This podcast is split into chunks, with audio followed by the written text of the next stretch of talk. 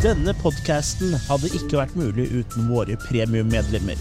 Takk til Sverre Lorentzen, Raymond Caspersen, Dennis Hansen, Runar Sundby, Henrik Berge Pettersen, Tage Reitan, Knut Erik Rønningen og Espen Hansrud. Om du også vil støtte oss, gå til attackofthekillercast.com slash go premium.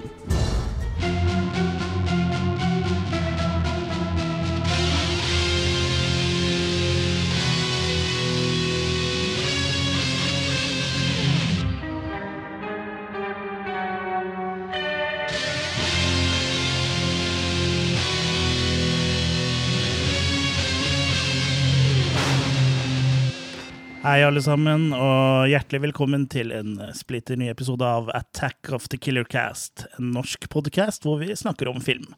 I studio sitter jeg, og jeg heter Chris, og med meg har jeg som vanlig Kurt og Jørgen. Hei til dere. Hei, hei. Hei, hei. Alt vel? Ja. Ja. Er det? Kan ikke for, hatten klage, si. klar for litt eh, norskt, eller? Det er vi. Hæ? Ja?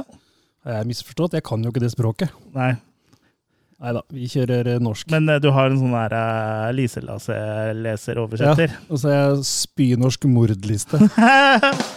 I dag så skal vi snakke om uh, Mørkets øy, som da er eh, en eh, Ja, det er jo en skrekkfilm, eller en grøsser fra 1997, regissert av Trygve Alister Diesen. En Mm. film som kanskje ikke så mange har hørt om, eh, men den skal jo vi snakke om, da, så da får du i hvert fall hørt om den nå. Mm. Eh, men eh, før vi da snakker Vi skal om bringe mørkets øy ut i lyset. Ja, eh, rett og slett. Det var jo godt sagt. Det kunne stått på coveret, på en måte, Mm. hvis, denne, hvis jeg hadde gitt ut denne podkasten her på en eh, kassett.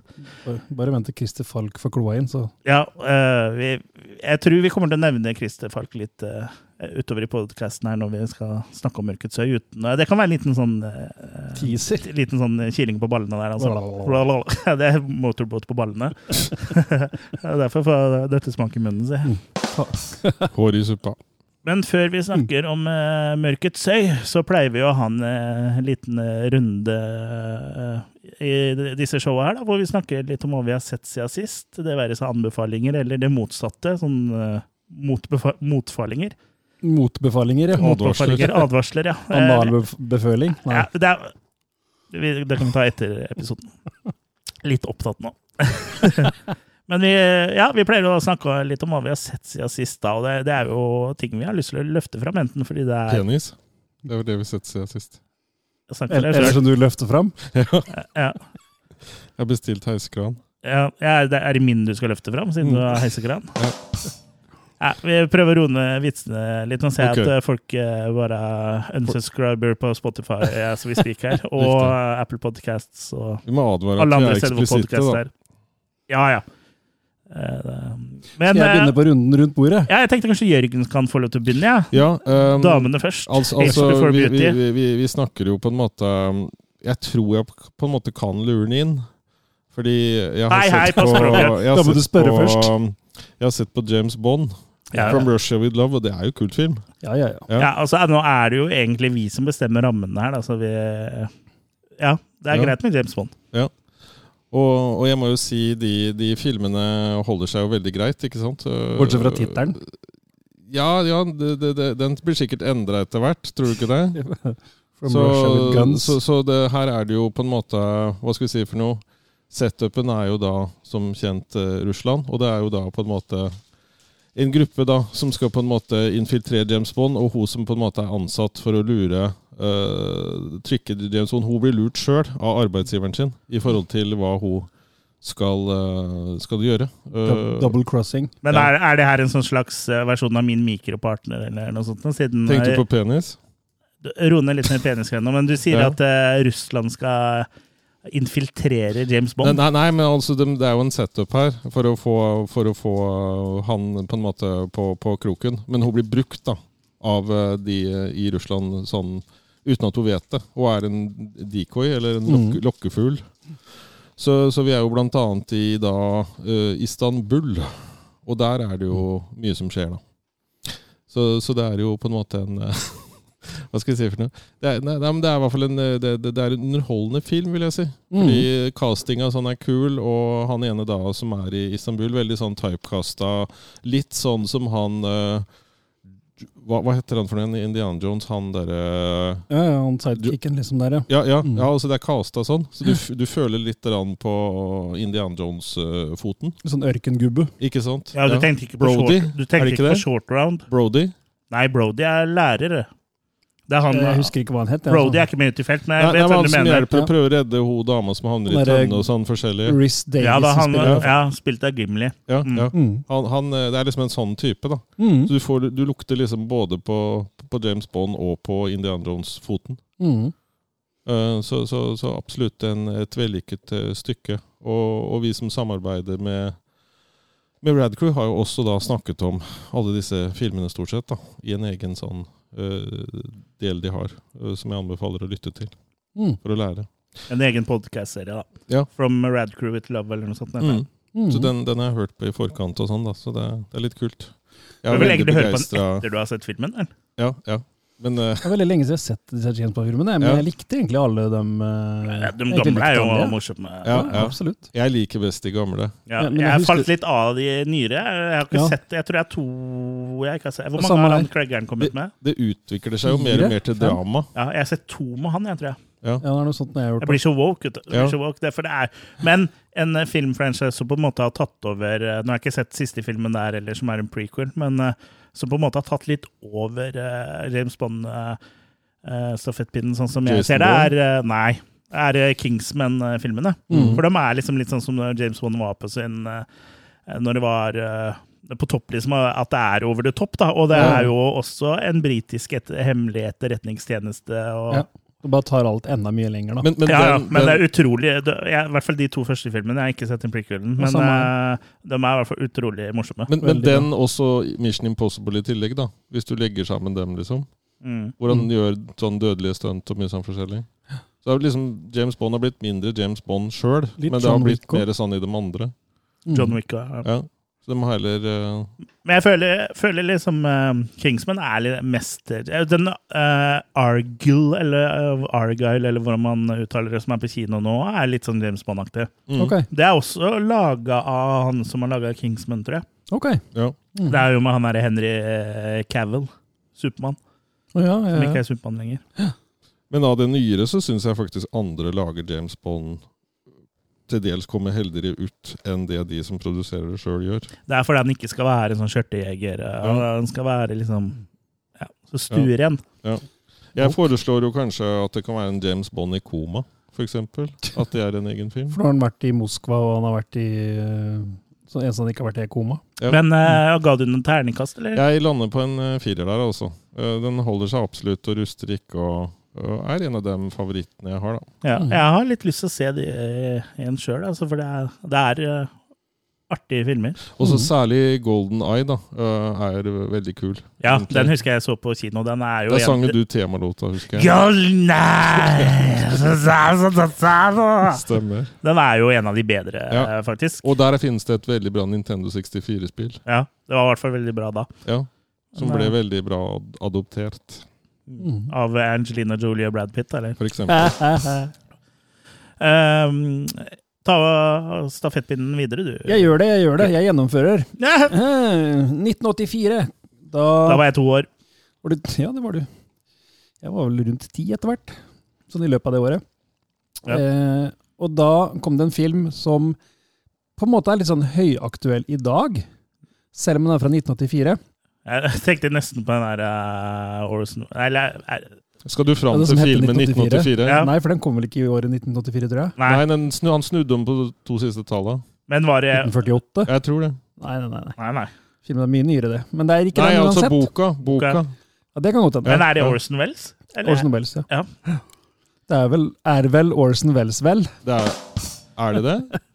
som, skrev bo som var med i filmen. Eller, så, ja. Ja. Det prate om, pratet Men jeg skal uansett ikke snakke om den filmen. Jeg skal snakke om en film som heter Electric Dreams. Vi prøver bare å hjelpe deg. Som tar for seg noe så høyaktuelt som artificial intelligence i eh, dataform. Eh, Det er kanskje den eneste artificial intelligensen vi har. Ja, du har Jørgen òg, da. ja, det er sant. Jørgen er sånn organisk kunstig intelligens. Ja. Men Men det var vekt på kunstig, mindre vekt på intelligens. Men jeg hevder det er bedre enn eh, kunstig intelligens. Ja, du er kunstig, kunstigere. kan hevde hva du vil, du. Ja. Men i hvert fall eh, i 1984 så var jo det veldig nytt, på en måte da. I hvert fall for hvermannsen. Så det her handler om en dude som går til anskaffelse av en PC som er ekstremt på en måte avansert til å være 1984. Uh, og den er den første i sitt slag, da, ifølge filmen, som skal kunne lære uh, Learn as you do, på en måte. da. Jo Ja. mer han fòrer den maskinen med ting og tang, alt fra lyder og uh, alt mulig, så lærer den, og så blir den smartere etter hvert. da. Ja. Det gjør jo ikke jeg. Nei, det gjør ikke Nei, der har AI et fortrinn, da, for den gjør jo det. Mm. Bortsett fra en Snapchat-AI-en, da. Den stiller Er vi ganske likt som. Ja, ja, du er litt à la den. Og opp, oppi alt det her, da, så, så er det en forelskelse med naboen også, og den dataen klarer på en måte å Er dataen forelska i naboen? Eller? Begge to. Å ja, å! Ja, Ja, spennende. for, her, ja, for her er litt clouet, da, at han lærer som sagt av sin uh, herremann, men han herremannen er jo forelska, og hun naboen blant annet driver og spiller uh, cello, og der lærer den datamaskinen seg å spille sammen med hun. Så ja. hun tror jo at han duden sitter og spiller og bare er liksom sjenert og vil ikke vise hun og bla, bla, bla. Men det er jo datamaskinen som sitter og gjør alt det her. Riktig. Har datamaskinen armer og sånn, eller kommer de på en måte ut av lydkortet på den? Kommer av lydkortet, ja. Ja, og jævlig bra lydkort, da. Ja, det er det jeg mener. Det var, jeg tror det er avansert, altså. Det var Ja. 1984. Hadde Soundblaster 16 allerede. Ja, ja, og det er jo skikkelig sånn internett på den her òg, for han henter jo opplysninger fra TV-stasjoner, radiostasjoner. Han kan styre toasteren din, han kan styre lyset, den kan liksom gjøre alt det. Ja, Høres for- ut som en for- film for meg. Forut for sin tid, da. Veldig forut for sin tid. Selv om folk på 80-tallet liksom, visste på en måte at det var dit det kom til å Ja da, ende. internett var jo ikke nytt, men det var bare nytt for folk flest, på en måte, og, Ja, det og var- for dyrt til at folk het vel ARPANET på den tida, tror jeg. Ja. noe. Stemmer. Ja. Men uansett, da, så blir jo den, jo smartere denne maskinen blir, jo mer vil den jo forstå til og med om følelser, da. Så Mm. den føler seg jo på en måte også forelska i ho dama, og da utvikler det seg selvfølgelig sjalusi. Riktig. Og da bruker jo den maskinen sin intelligens til å motarbeide sin eier, da. Det høres Ja. litt ut som Demon Seed. Det er et trekantdrama, rett og slett. Ja, Liksom. det blir et trekantdrama. Mm. Og det starter jo som en litt sånn koselig, nesten litt sånn halvromantisk og dramafilm, men etter hvert så blir det jo om ikke skummelt, så blir det iallfall litt annen stemning i slutten av filmen. Da Har de Da, sex da, da ble du skuffa, ikke sant? Og jeg er kjempeskuffa. Går han til sengs med datamaskin? Det er spoiler, føler jeg. Vi Ja, må er ikke spoile filmen. Nei. Uansett, da, dama spilles av Virginia Madsen, som dere sikkert vet hvem er. Så, Mm. sånn sett er det jo Var ikke det nå, for å si det sånn? Nei, hvor var det da, da? Mm. Du har, du har, du har hatt dine bedre dager, du òg, Jørgen. Det er ikke noe ungfole lenger, du, vet du. Nei, det er noe med det. Olaf Olav Blakken. Nei da, men jeg vil i hvert fall anbefale Electric Dreams. Jeg syns det var en uh, kul film. Kul tittel også, Uh, Ja, kul Mm. tittel og kult cover. Hvis dere kan google det, så kan dere jo kikke på det. Mm. Uh, og litt annerledes film, og en banebrytende film. Så jeg anbefaler virkelig en terningkast eh, Ja, skal jeg være oppe? Jeg, jeg, I hvert fall en sterk firer, i hvert fall. Ja, Ja, den hørtes jo litt kul ut, da. Ja. Electric Dreams fra Ja. 1984. Mm. Absolutt uh, sjekk ut der, altså. Jeg har sett Don't Torture a Duckling, eller Don Sicivesta on Paparino, eh, fra 1972. Eh, sikkert veldig dårlig italiensk uttale der, men Ja. eh, ikke så halvgæren ellers, synes jeg. Enteplagg den gokkokken på Ja, Sarpsborg. eh, på Østfold-dialekt. Eh, regissert av Lucio Fulci. Det kan du fullt si. Handlinga er lagt, handlinga er lagt i en italiensk landsby, eh, hvor det da skjer en rekke drap på barn. Eh, og dette etterforskes og undersøkes av politi, så vel som eh, journalisten eh, Andrea Martelli. Eh, og både han og politiet ser stadig ut til å ligge ett stek Ett stek? Et stek foran. Et, Den legger stek bak seg. et steg Et bak stek, eh, en stek av gangen. ja, Et steg bak morderen. Ja. Forsiktig nå i disse anti-kjøtt-tider. I disse Ja, det må jo være greit å spise sine egne barn. En liten stek for meg, et stor stek for menneskeheten. De ligger i hvert fall stadig ett steg bak morderen, og landsbyens barn dukker da opp døde én etter én. Eh, Den lille landsbyen er jo overtroisk og tror at det kan være noe svart magi og har liksom mistanke om hvem som står bak, da, men sannheten er om mulig enda mer uhyggelig enn det, da. Mhm, For det er andungen kvakk-kvakk, er det ikke det? Kvakk, kvakk, kvakk, kvakk. Musikken her er jo Aris Ortolani. Eh, Mhm. Det er jo ikke på eh, samme episke nivå som uh, Cannibal Holocaust-temaet hans, for det er ikke så gjenkjennelig. Dere, vil ikke ha en sånn egen resort? Resort Ortolani? Eh, Han fikk ris. Ja. Han hadde Tolani. Don't Touch the Duckling går jo for å være en av Fulcis beste filmer. Eh, Personlig så liker jeg egentlig holdt på å si zombiefilmene hans bedre. På eh, The Beyond City of the Living Dead og Mm. The House by the Cemetery er vel de som jeg syns Mm. er best, kanskje til og med i den rekkefølgen. Mm. Eh, Så her er det ikke zombier, da. det er en ren eh, giallo, egentlig. Så det er ikke noe overnaturlig her. Og da syns jeg kanskje at Argento er liksom hvassere enn Fulci. Mm. Men det er underholdende nok det her. Altså, mulig Storyen er kanskje litt sånn rotete, syns jeg. For det er innimellom så kan det være litt vanskelig å henge med, men det tar seg på slutten, og klimakset hvor da bad guyen eh, som står bak drapet, får, eh, får som fortjent, er, eh, er verdt inngangsprisen alene, holdt jeg på å si. Mm. Så ja. Jeg syns den egentlig er, er ganske kul. Jeg så egentlig den her litt fordi den har litt sånn likheter med Mørkets øy. da. Noen paralleller her. At, det er et lite øysamfunn. Og så ja, en annen ting da som vi kan uh, snakke om litt senere ute i Mm. Mm. Spin-offen heter jo Mørkets øye. Det er bare et mørkt øye. Mørkets brune øye. Mm. Ja. Skal du kaste terning på den? Gjorde du det? Hvis dere er ferdig med eh, de halvdårlige vitsene, så da kan jeg gi en eh, terningkast fire. Ja. fire. Mm. Eh, jeg har, Jeg har ikke mer på tapetet. Nei, det er klart du er en opptatt mann. ja, jeg kan holde på hvor lenge dere vil. Hvor lenge skal vi holde på? Eh, Jeg har på en måte to, to og en halv til. Vi, kan, vi, vi tar et par til, i hvert Jeg, fall. jeg kjører på med The Super Inframan fra 1975. En, uh, hvis det sier dere noe, Shaw Brothers-film. Mm. Mm. Mm. Så vi skal Jeg har sett veldig lite av det, men kjenner til det.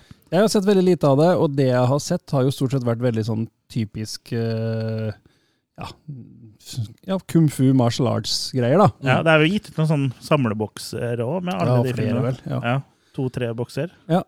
Men den her Er det 88 Films, eller er det Arrow, eller noe? Jeg er litt usikker. Nei, Jeg tror jeg er flere som har gitt ut det, men Ja. 88 har gitt ut veldig mange av dem i den Asian-serien sin. da. Ja. Og så er det vel DVD-bokser før det som andre har gitt ut, så det, det fins mye. Ja, jeg mener noe sånn Shawscope. Jeg husker Ja, ikke. stemmer. Det er noe som heter Shawscope. Ja. Ja. Men uansett, eh, Super Inframan er fra 1975 og er en litt utypisk eh, Shaw Brothers-film. Den har også kung fu i seg. Men den- Kung fu. Kung fu. Mm.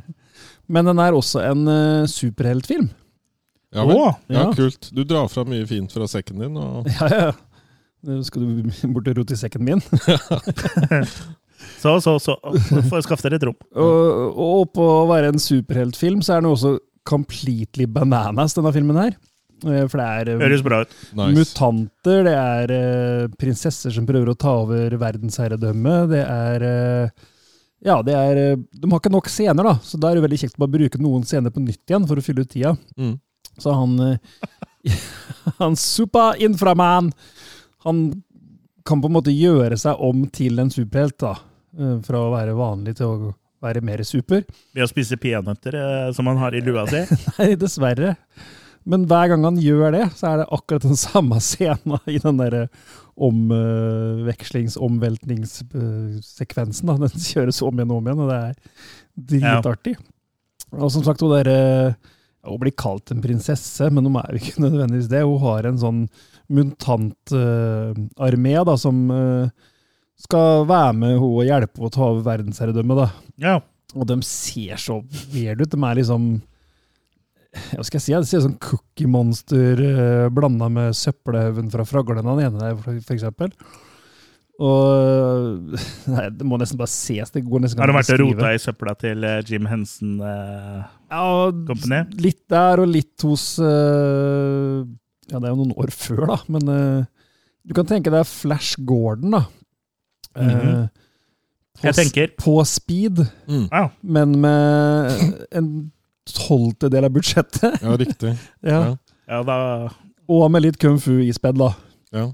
Det høres ut som en god kveld. Ja, det er ordentlig bonkers, altså. Det er Mm. superhelter som ser ut som skeleton, men med vikinghorn. Det, Nei, det er, Det høres bra ut. og det er rimelig tam dialog, selvfølgelig. Litt dårlig spill. Dubba, eller? Ja, ja. Ja. Eller jeg så den faktisk med originaltale, jeg, da.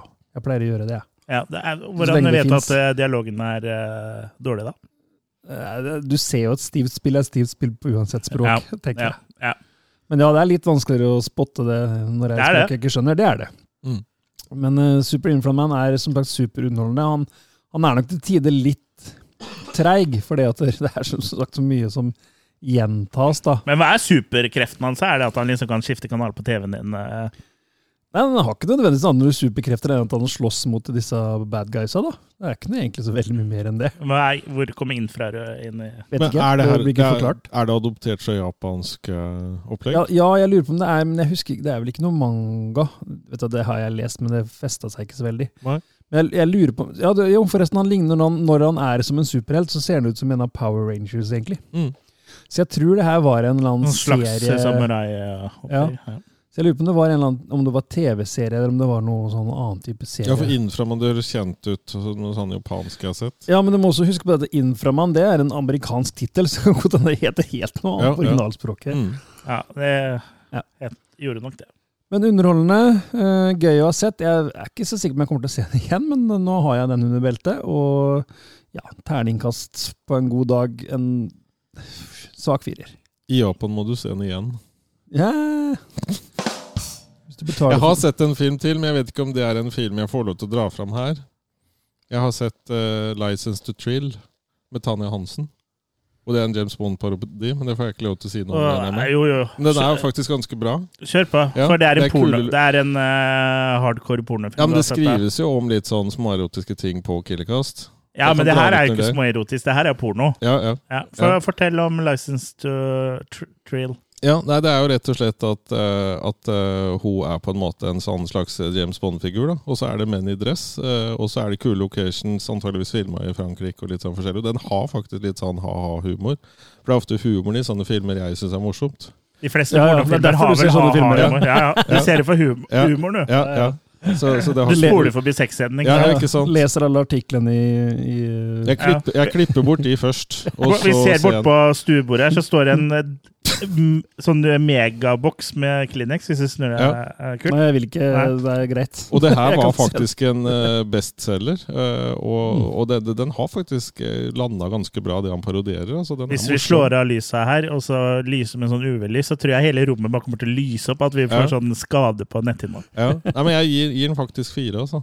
Jeg tror jeg har sett en scene eller to fra den, eh, men det stoppa der, da. Ja. Det er noe For du- dusj- for du gjorde motsatt sånn av han, du. Jeg gjorde det for, Ja. som på en måte er, eh, er designa for. Ja.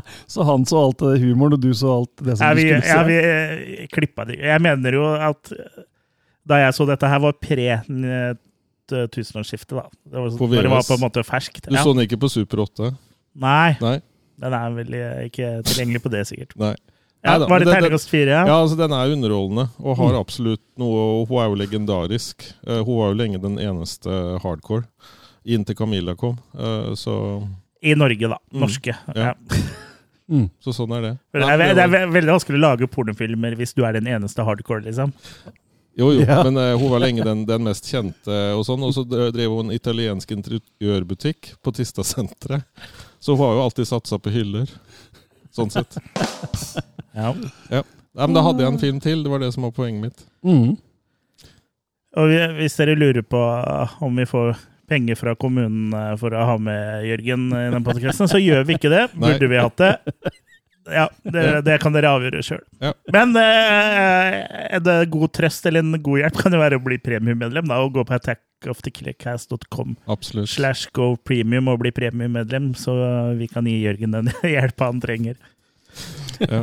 Jeg har jo sett ferdig Mr. Mercedes. Det er jo en eh, TV-serie. Jeg bare mm. tenker jeg bare kort oppsummerer på en måte alle sesongene, for jeg kan jo ikke fortelle så veldig mye om hva sesong to og tre handler om, så jeg kan bare si eh, veldig kort om hver eh, sesong. da. Jeg tror det handler om en fyr som kjører Mercedes. Den første gjør jo det. Mm. Eh, For det er, sesong én er jo en sånn eh, har jeg jo snakka om, men bare ta kort. Det er jo en ren crime story hvor det er en politietterforsker ved navn Bill Hodges som personerer seg, og det er en sak han aldri har løst. Og det er jo da Mr. Mercedes-saken, hvor en kar kjører en Mercedes inn i en folkemengde og dreper 16 stykker. Men eh, etter at uh, Hodges er pensjonert, så uh, kontakter jo Mr. Mercedes han, og det blir en sånn katt og mus-lek mellom de, da. Mm. Uh, og den ga jeg jo ternekast fem. Mm. Uh, sesong to begynte jeg vel å snakke litt om i forrige episode, hvor det ble litt mer Kokoland, liksom. Hvor det, han, uh, han Brady da, kunne fjernstyre andre folk og var liksom telekinese. Og det var litt mer For uh, det her er basert på Stephen King-bøker, så her var det ve veldig Stephen Kingsk på en måte. så det ble liksom litt sånn tullete og sånn, men det funka og var spennende for det. Om det var jeg som ikke kjente til bøkene, så ble det ble det sånn spesielt, da. Men uh, bøkene òg er jo sånn. Den første boka er jo visstnok helt vanlig, og så blir det mer baluba i bok nummer tre, som egentlig sesong to er, da. Uh, for uh, det som da er sesong tre, handler om Da er, handler det ikke om Mr. Mercedes lenger, så jeg skjønner jo hvorfor de kanskje da valgte bok nummer tre, som Mm. handler om Mr. Mercedes, som sesong to. Mm. Eh, for i sesong tre så handler eh, det om drapet på en forfatter som heter Rothstein, som da er Bill Hodge sin favorittforfatter. og han har jo blitt sånn privatetterforsker, så han tar jo liksom på seg den saken her litt på grunn av det, da. Eh, så sånn da jeg begynte å se den, så var det litt sånn Hva er det her for noe? Blir det her like interessant? For jeg var liksom i den Mr. Mercedes-greia. Så jeg tror det var Jeg hadde lyst på liksom mer Mr. Mercedes, så jeg tror det var lurt på en måte å la det her bli sesong tre. At det ikke kom imellom sesong, eh, sesong At det ikke ble sesong to, for da tror jeg folk hadde falt av. For uh, nå er du liksom såpass eh, investert i karakterene at du likevel fortsetter å se, da. Og det er ikke noe dårlig her heller, det er bare det at det er liksom ikke helt det du forventer med en gang, men så tar det seg opp. Og det som er veldig interessant her, er at alle karakterene, de nye karakterene, så vel som de gamle, da, de har jo en tilknytning til handl eh, handlingene til Mr. Mercedes, da. Og sånn sett så er de liksom Drapen på Mr. Rothstein, eh, han forfatteren og eh, alt som egentlig skjer i filmen, her ville ikke uh, ha skjedd hvis det ikke hadde vært for uh, Mr. Mercedes som drepte de 16 eh, folka. da. Så alt Mm. liksom henger på en måte sammen. Så det er jo litt fascinerende og på en måte litt godt skrevet. da. Det bør jo være når det er en forfatter og ikke formutter som har skrevet. Ah, Det er litt sånn kløktig skrevet, da. Høres jo veldig Stephen Kingsk ut, ja. Ja, veldig. Eh, så øh, ja, det tok liksom litt mer tid før jeg på en måte ble hekta på denne sesongen her, men så syns jeg fortsatt den også var bra. Så, så egentlig har jeg skrevet terningkast fire her også, men jeg tror jeg oppjusterer den til en uh, svak femmer, Ja. Mm. Uh, så jeg vet ikke om jeg ga sesong to en uh, Nei, terningkast. Nei, så sesong én, da, fem. Sesong to, svak fem. Eh, sesong tre, svak fem. Mm. Kanskje litt snill med sesong tre, men den tok seg opp såpass. Og, og så er man såpass investert at uh, Ja. Nei, jeg syns det var bra. Ja. Skal jeg fortsette igjen, da? Ja, vi kan, vi kan vel ta en til uh, hver hvis vi mm. er litt kjappe, holdt jeg på å si. Ja, uh, jeg har lyst til å egentlig nevne to. For den ene går veldig kjapt. For den har jeg kun sett av én grunn. Ok. Og, og det er The Jane Mansfield Story, som egentlig er en, en bi, hva heter det, biopic, TV-film om ja, Jane Mansfield, da. Ja. Spilt av Lonnie Anderson. Lo, lo, nei, Lo- Laurie Lonnie, nå husker jeg. Er det ikke Lonnie? Ja? Lonnie Anderson, ja. Eh, og Jane Mansfield var jo på mange måter en um, arvtaker til Marilyn Monroe. I hvert fall så ville hun veldig det sjøl. Mhm. Men hun fikk det liksom aldri helt til. Så hun lever liksom på en måte hele livet sitt ved å prøve å bli en superstjerne, da. Eh, og den hun har med seg som på en måte hjelper henne med det, det er mannen sin, uh, Mickey ha Hargitay. Spilt av Arnold Schwarzenegger. Ja! Ja! Så filmen er egentlig kun verdt å nevne pga. han. Det er en tidlig rolle av han, da, fra 1980. Så det er etter uh, Pumping Iron og, og uh, Hercules in New York. Hercules in New York, men det er jo lenge før han var noe superkjendis. Men han er ikke dubba her? Så han eh, var litt bedre i engelsk her enn i Hercules i Nei. New York? Nei. Ikke mye. Og det er litt gøy, da, for han spiller jo en, eh, en annen Mr. Universe. Eh, Så han spiller på en måte sin egen Fra et parallelt univers. Nei, for det, det her er jo virkelige hendelser. Så det her må jo være en fyr han har konkurrert mot. Ja. Så, eller nei, forresten, det er jo litt tullete å si. For det her er jo mange år før Schwarzenegger. Det her er jo på 50-60-tallet, så det er jo før Schwarzenegger var Ja. Mr. Universe òg. Ja. Men uh, han han spiller, var vel uh, av noe gresk opprinnelse, tror jeg. Det er Greek Det som er litt gøy, er at han, Greek Garlic Girls. han uh, bodybuilderen der, han har spilt Hercules, han òg, tror jeg. Alle bodybuildere har spilt Hercules. tror jeg. Så, ja, så Derfor så nevner jeg den sånn kjapt, da. For jeg har sett en Schwarzenegger-film rett og slett med, som ikke var noe bra. Så er- terningkast svak treer. Ja. Skal jeg ta min siste før du tar din Ja. siste? Bare et lite host. Et lite host. Mm.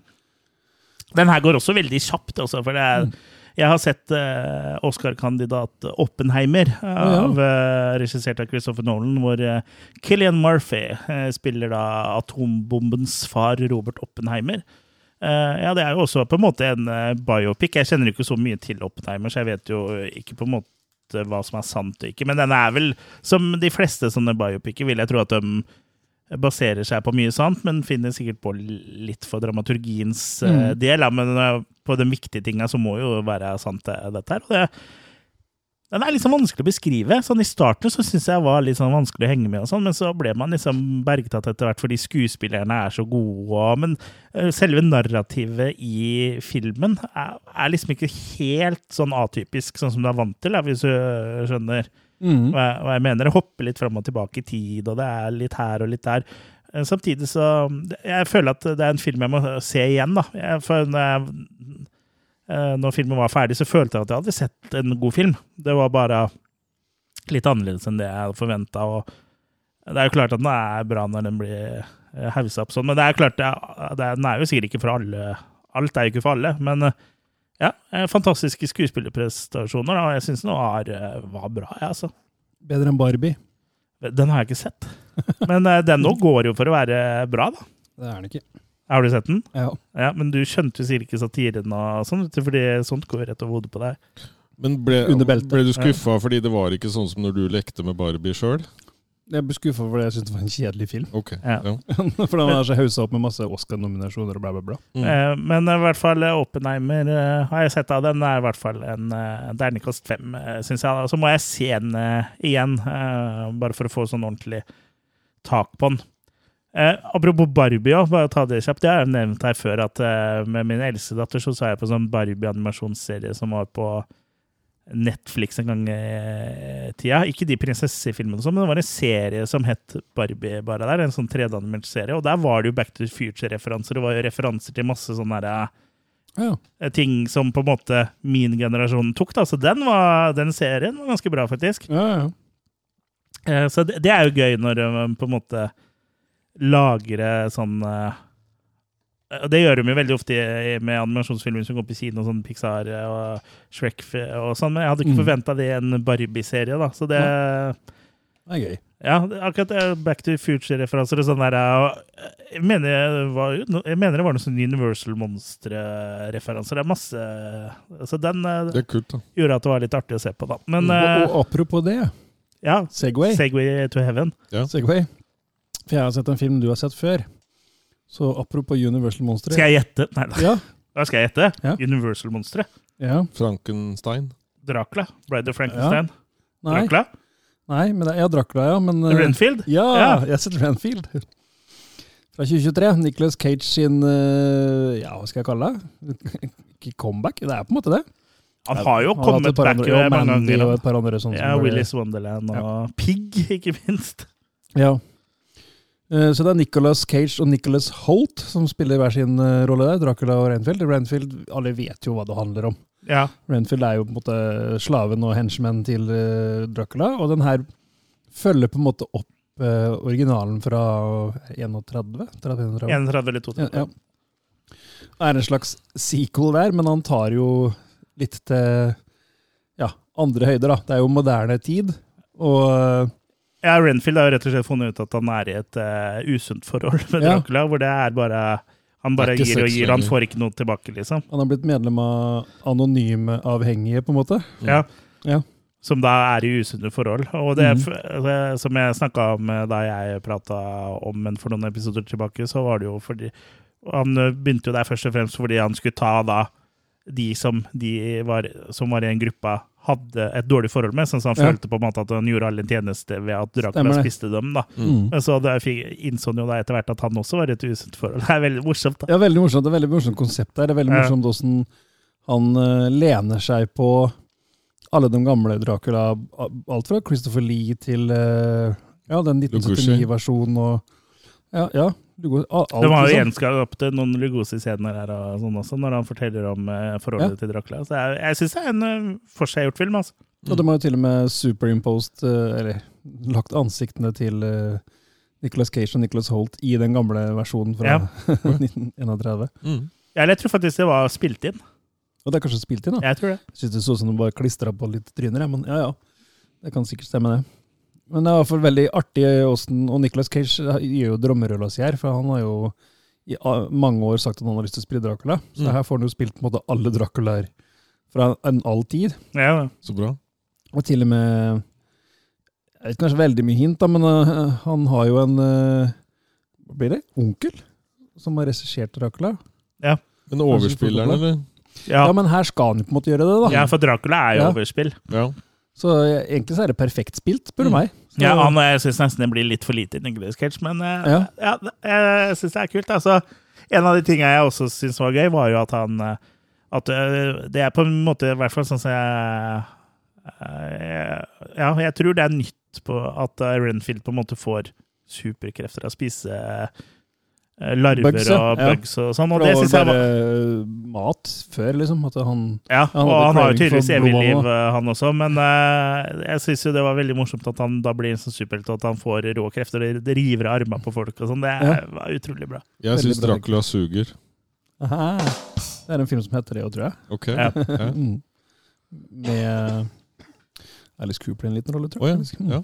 Mm. Men nei, da, Renfield er veldig fornøyd med den, altså. Så den er bare å anbefale. Er nok litt sånn Hvis jeg skal være kritisk, så er det vel litt sånn Han er litt endimensjonell, han Rainfield-karakteren, eller han skuespilleren. Så jeg- får liksom Å ja, det er han fra Warm Bodies, ja. For han spiller på en måte veldig likt den. Å ja, den har ikke jeg sett, men jeg syns han gjorde en bra figur her, jeg, altså. Ja, altså, helt grei, men sånn, er det noe jeg skal trekke det på, så må det være han, tror jeg. Ja. Hadde han vært like uh, tongue in cheek, eller like um, eh, ikonisk måte, som Nicolas Cage sin rolle, så Men han skal vel være litt mer sånn uh, Hvis han hadde vært veldig sånn balls to the wall-crazy, så tror jeg ikke det hadde funka, altså. Han, Nei, skal liksom være, han skal være litt love interest og Stusslig. litt sånn Og stusslig. Nei, så, men eh, det er jo lett en terningkast uh, svak femmer, det her, altså. Så Ja. anbefaler den. Ja, eh, det var en god, lang eh, runde rundt bordet, det. Så eh, ta, takk eh, for det eh, til dere som har hengt med så langt, for nå kommer da rosina i pølsa, det dere har kommet hit for. Mm. Som jeg aldri har skjønt hvorfor det heter. Nei, det var jo snakk om at det var noe sånn at du bindte på en måte Der hvor du tok kyssingen på pølsa, så var det en rosin eh, Ja, jeg vet ikke. Mm. Den er fortsatt ikke i pølsa da. Jo, den er jo i pølsa, men du surrer den eh, rundt. Og så kn- knuta er på enden av pølsa. Ja, men det er jo fortsatt i pølsa, da. Følg med i neste episode av Premium. Mm. Hvis jeg tar eh, denne svære tredildoen her og bare stikker tippen eh, litt inn i rumpa di, så er den fortsatt inn i rumpa di. I et intervju med Rushprint eh, fra 1997 så fortalte regissør Trygve Alice Elisen at han skulle lage Norges første grøsser siden De dødes skjern i 1958.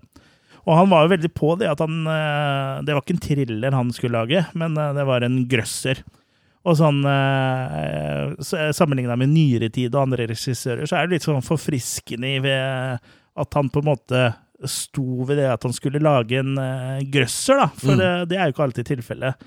Jeg husker vel da vi var på Ramaskrik i 2019, eh, hvor regissøren av remaken til De dødes skjern, eh, Nini Buller-Robsam, sto da på en skrekkfilmfestival og sa at hun da ikke hadde laga en skrekkfilm. Og at hun da egentlig ikke likte skrekkfilmer. Og det er jo liksom én ting. Det er veldig spesielt å stå på en skrekkfilmfestival eh, hvor du da skal vise en skrekkfilm og si at dette ikke er en skrekkfilm. Mm. Um, eh, så du distanserer deg jo veldig fra publikummet. da. Hun hadde jo for så vidt rett, og da, det var jo egentlig ikke en skrekkfilm. eh, Eller jeg vet jo ikke helt hva hun hadde laga, men eh, det kan vel knapt eh, kalles film, egentlig òg. Mm. Men eh, ja, Disen han satsa, da. Han mm. eh, skulle jo da lage Norges første skrekkfilm på nesten 40 år. Eh, som vi alle vet, så var det jo Villmark noen år senere som først kickstarta norsk skrekkfilm som sjanger, da. Ja. Eh, for 'Mørkets øy' det er liksom Det er en film ingen snakker om. Den er egentlig forsvunnet litt eh, i glemselen, da. Med mm. unntak av Flekkefjord bibliotek, da. Der har du Der har hun filmen på DVD, eneste sted i Norge hvor mm. den er tilgjengelig, og det er også der vi har lånt eh, filmen fra. Mm. Men, får ut den. men eh, er det fortjent at eh, Mørkets øy er eh, ja, er mørk, er eh, glemt og skjult, eller har Mørkets øy eh, noe å komme med? Vi løfter Mørkets øy frem fra glemselen for å gi deg svar på nettopp uh, det. Hvad, jeg kan få millioner av til. Nej.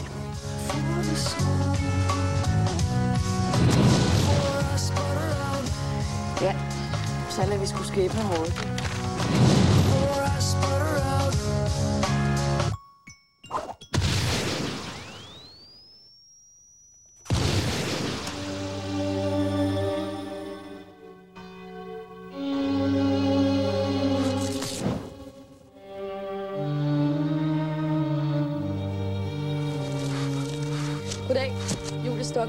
Det er meg der er den nye lærer.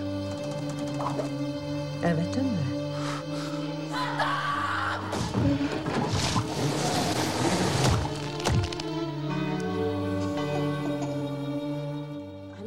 Etter å ha mista jobben som lærer og ferska kjæresten i å være utro på samme dag, eh, vel å merke, så er Julie lei. Hun søker da nye utfordringer, som det heter, og etter å da kasta dart på stillingsannonsene på en eh, pub i Danmark, så ender hun da opp med å søke jobb som lærer på en lita øy i Sørlandet i Norge. Uh, og det å komme på en sånn eh, li, liten øy, her, da er det ikke så lett å komme seg liksom innpå lokalbefolkningen og bli inkludert, da. Men eh, etter en liten stund så møter hun den sjarmerende presten Roald, og så ser det litt eh, lysere ut for Julies framtid på øya. Men sakte, men sikkert så opp, eh, går det opp for Julie da, at det, alt er ikke helt sånn som det skal på denne øya, da, og at denne øya skjuler en mørk hemmelighet. Julie spilles da av eh, Sofie Grobø. Grobø! Eh, som før 1997 kanskje var aller mest kjent for Nærverken, som da er en Mhm. dansk eh. Og så er hun ikke skuespiller, sånn som jeg skjønte. Hun bare spiller.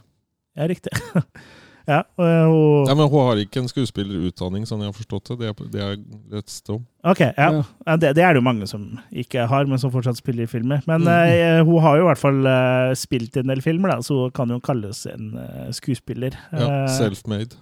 I senere tid så er hun kanskje da mest kjent for forbrytelsen og The Killing.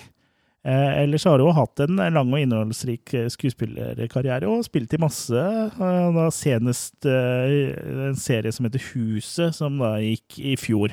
Mm. Og så har vi presten Roald, spilles av Pål Ottar Haga. Han er kanskje ikke den norske skuespilleren med mest sånn film, filmer bak seg, men sånn som jeg har forstått det, så spiller han mye teater, da. Blånisse, da.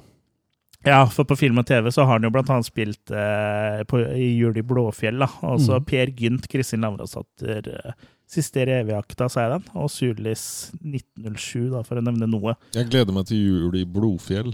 Ja, det er noe som heter det. Det er noe som heter det. Da, ja, men jeg gleder meg fortsatt. Jeg har ikke sett den. Nei. Ingen av sesongene. Nei. Nei. Den tredje hovedrollen, eh, Solveig, eh, som da er en elev eh, som Julie da får et eh, godt forhold til, og en sånn slags jeg vil nesten kalle det en slags uh, morsomsorg for, spilles av debutanten eh, Sina Langfelt. Mm. Uh, hun spilte også ikke den gjeve rollen som ekspeditør i 2020 i 2002, som også er en film som er regissert av Trygve Alister Disen. Men etter det så har hun jo ikke spilt i noe, da. Så, og det var ikke skuespiller som var hennes skalla, tydeligvis. Nei. Men uh, jeg syns jo at hun egentlig gjør en god jobb i Mørkets øy. Nå har jeg ikke sett Tyven tyven, så jeg vet ikke hvordan, hvordan hun gjør det der. Men Nei, hun gjør det bra her. ja, jeg syns hun gjør eh, Men det er, skuespill er nok ikke for alle. Nei. Ellers på rollelista i mindre roller finner vi da Terje Strømdal, Erik Hevju og Lars Fundre Johannessen. Og sistnevnte husker folk kanskje best, i hvert fall de som er litt eldre, da. Eh, som Kjell Magne i såpeserien De syv søstre. Bilba. Eh, ja, nei, det, var jo ikke han som sa Billeba, da. Nei, men Nei. det er der jeg har det fra. Ja, eh, Kjell Magne var litt sånn Litt enkle typen da, som gikk rundt og sa så Hei, jeg heter Kjell Magne, hva heter du? Og han ha, hadde jo et litt spesielt utseende, han karen her. Så han spilte jo stort sett eh, raringer. Eh, Kjell Magne Eller Kjell, han heter jo ikke Kjell Magne, men eh, eh, Lars han dukka jo også opp i Tyven eh, Tyven. eh, Ikke bruke samme folk om igjen. ja, men det, ja, det er mange som gjør det. da. Han mm. bruker samme fotograf og, også.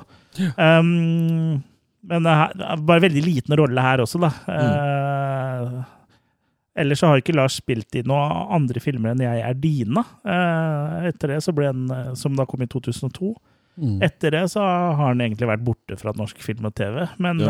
eh, jeg har researcha meg fram til at han har jobba en del på Rogaland teater. Men nå har han også da forlatt skuespillet, i hvert fall sånn profesjonelt sett, da, og blitt helsefagarbeider.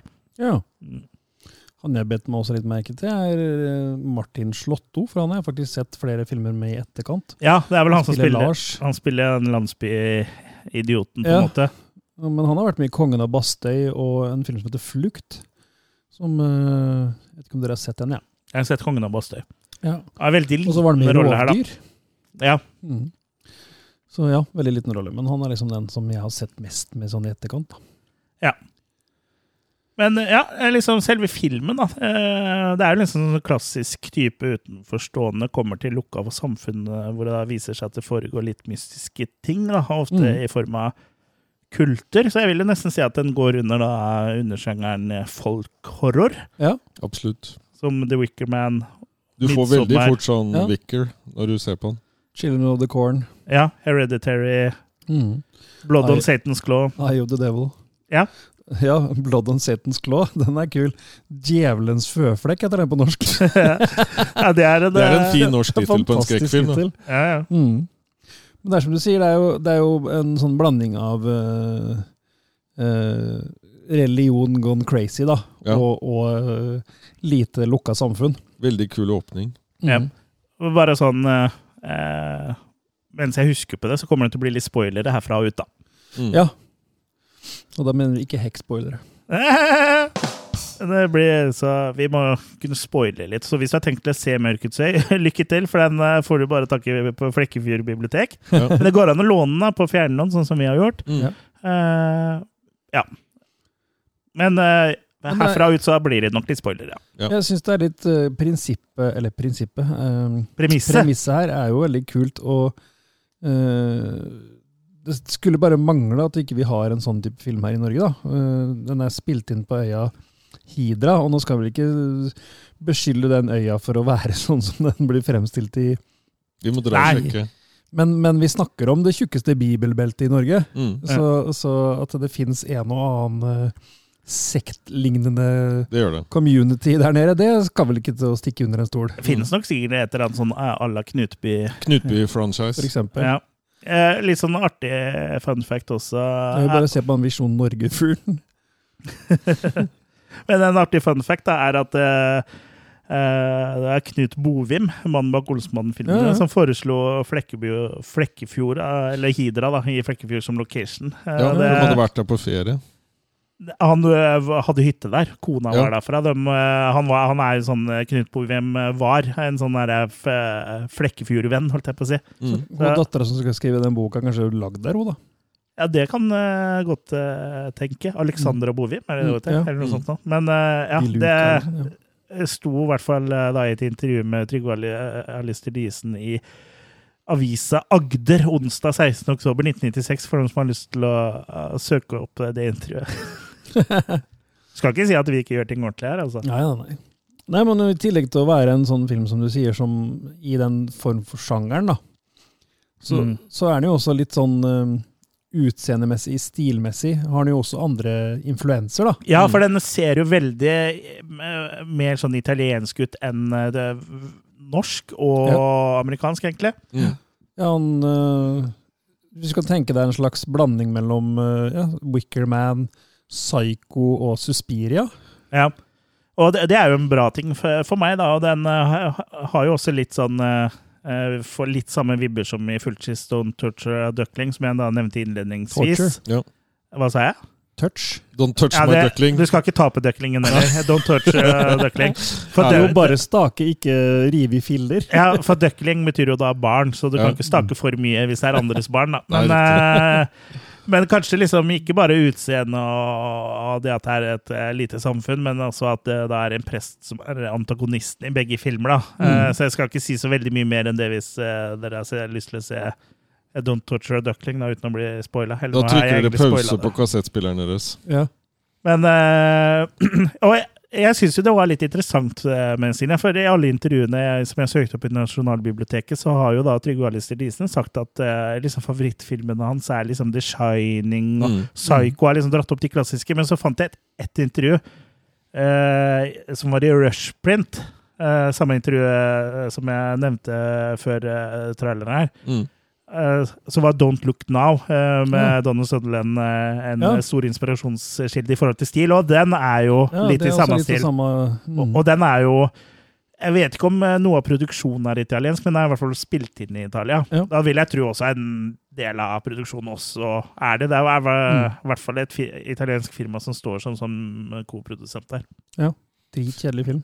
Men jeg vil Jeg er heller ikke noe fan av den, altså. Nei, jeg er ikke noe Nei. fan av Nicholas Rogue i det hele tatt. Jeg synes han Nei. er altså, den d- eh, kortvokste i sånn gul uh, regnjakke på slutten her, eller en rød, det husker jeg ikke, men uh, ja.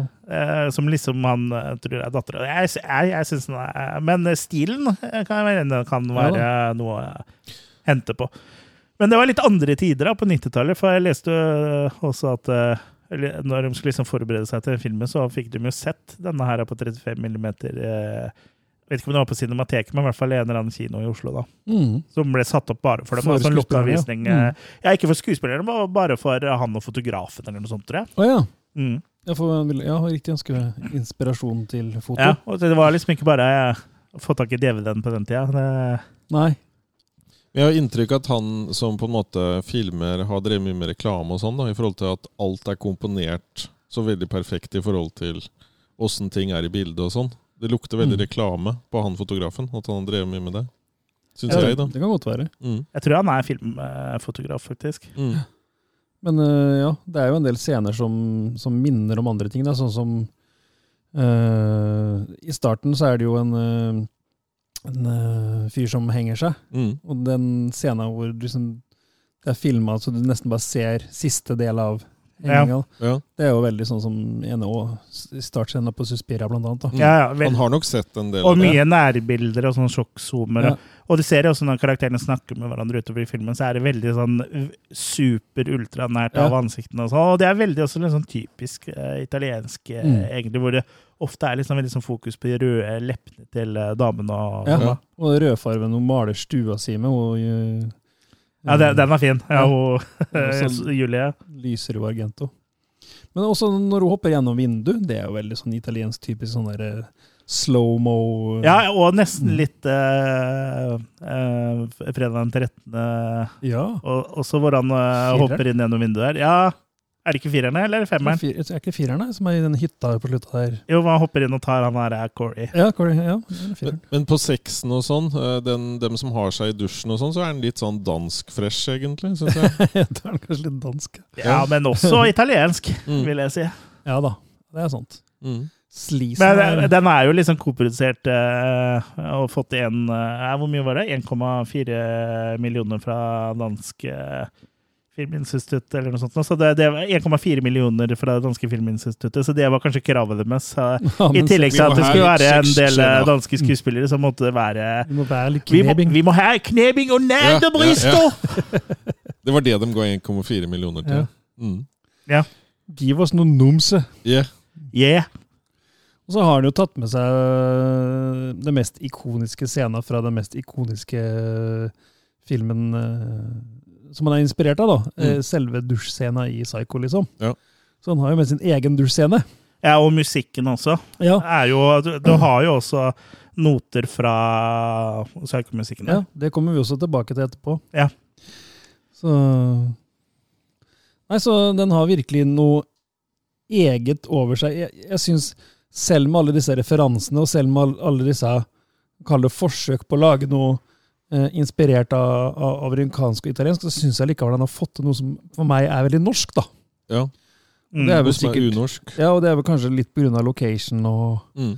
Ja, og temaet i hele tatt. Jeg, jeg kan veldig relatere til at det der kunne være en norsk greie. Og så Ja. at det ikke bare er sånn hytte i skogen og dra på tur, og en og en blir tatt. Og, Skulle ikke gått ned til det vannet. mm. Ja, det, det, det hadde jo ikke kommet ennå engang, det, det da. Men eh, Og ja. legge det til litt sånn maritimt, da. Det er fint. Ja.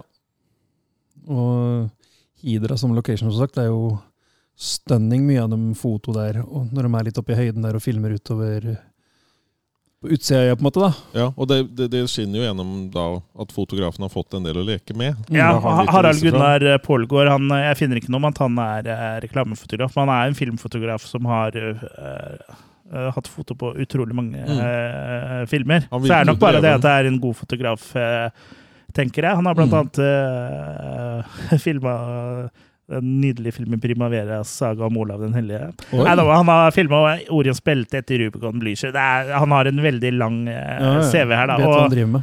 Og eh, de eh, naturbildene fra Hydra der hadde vært eh, nydelig å se. Fått sett i HD-kvalitet, ikke Mm. bare på en gammel slitt DVD. Mm. Hører du Christer Falk?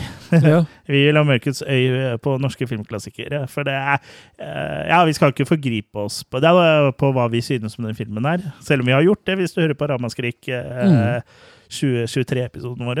Men eh, ja. Eh, det hadde vært deilig å sette den her i HD, da, fordi den er veldig fint fotografert. Mm. Jeg vet ikke om hun har skanna en eller Det fins vel noe oversikt et eller annet sted som jeg ikke har oversikt på.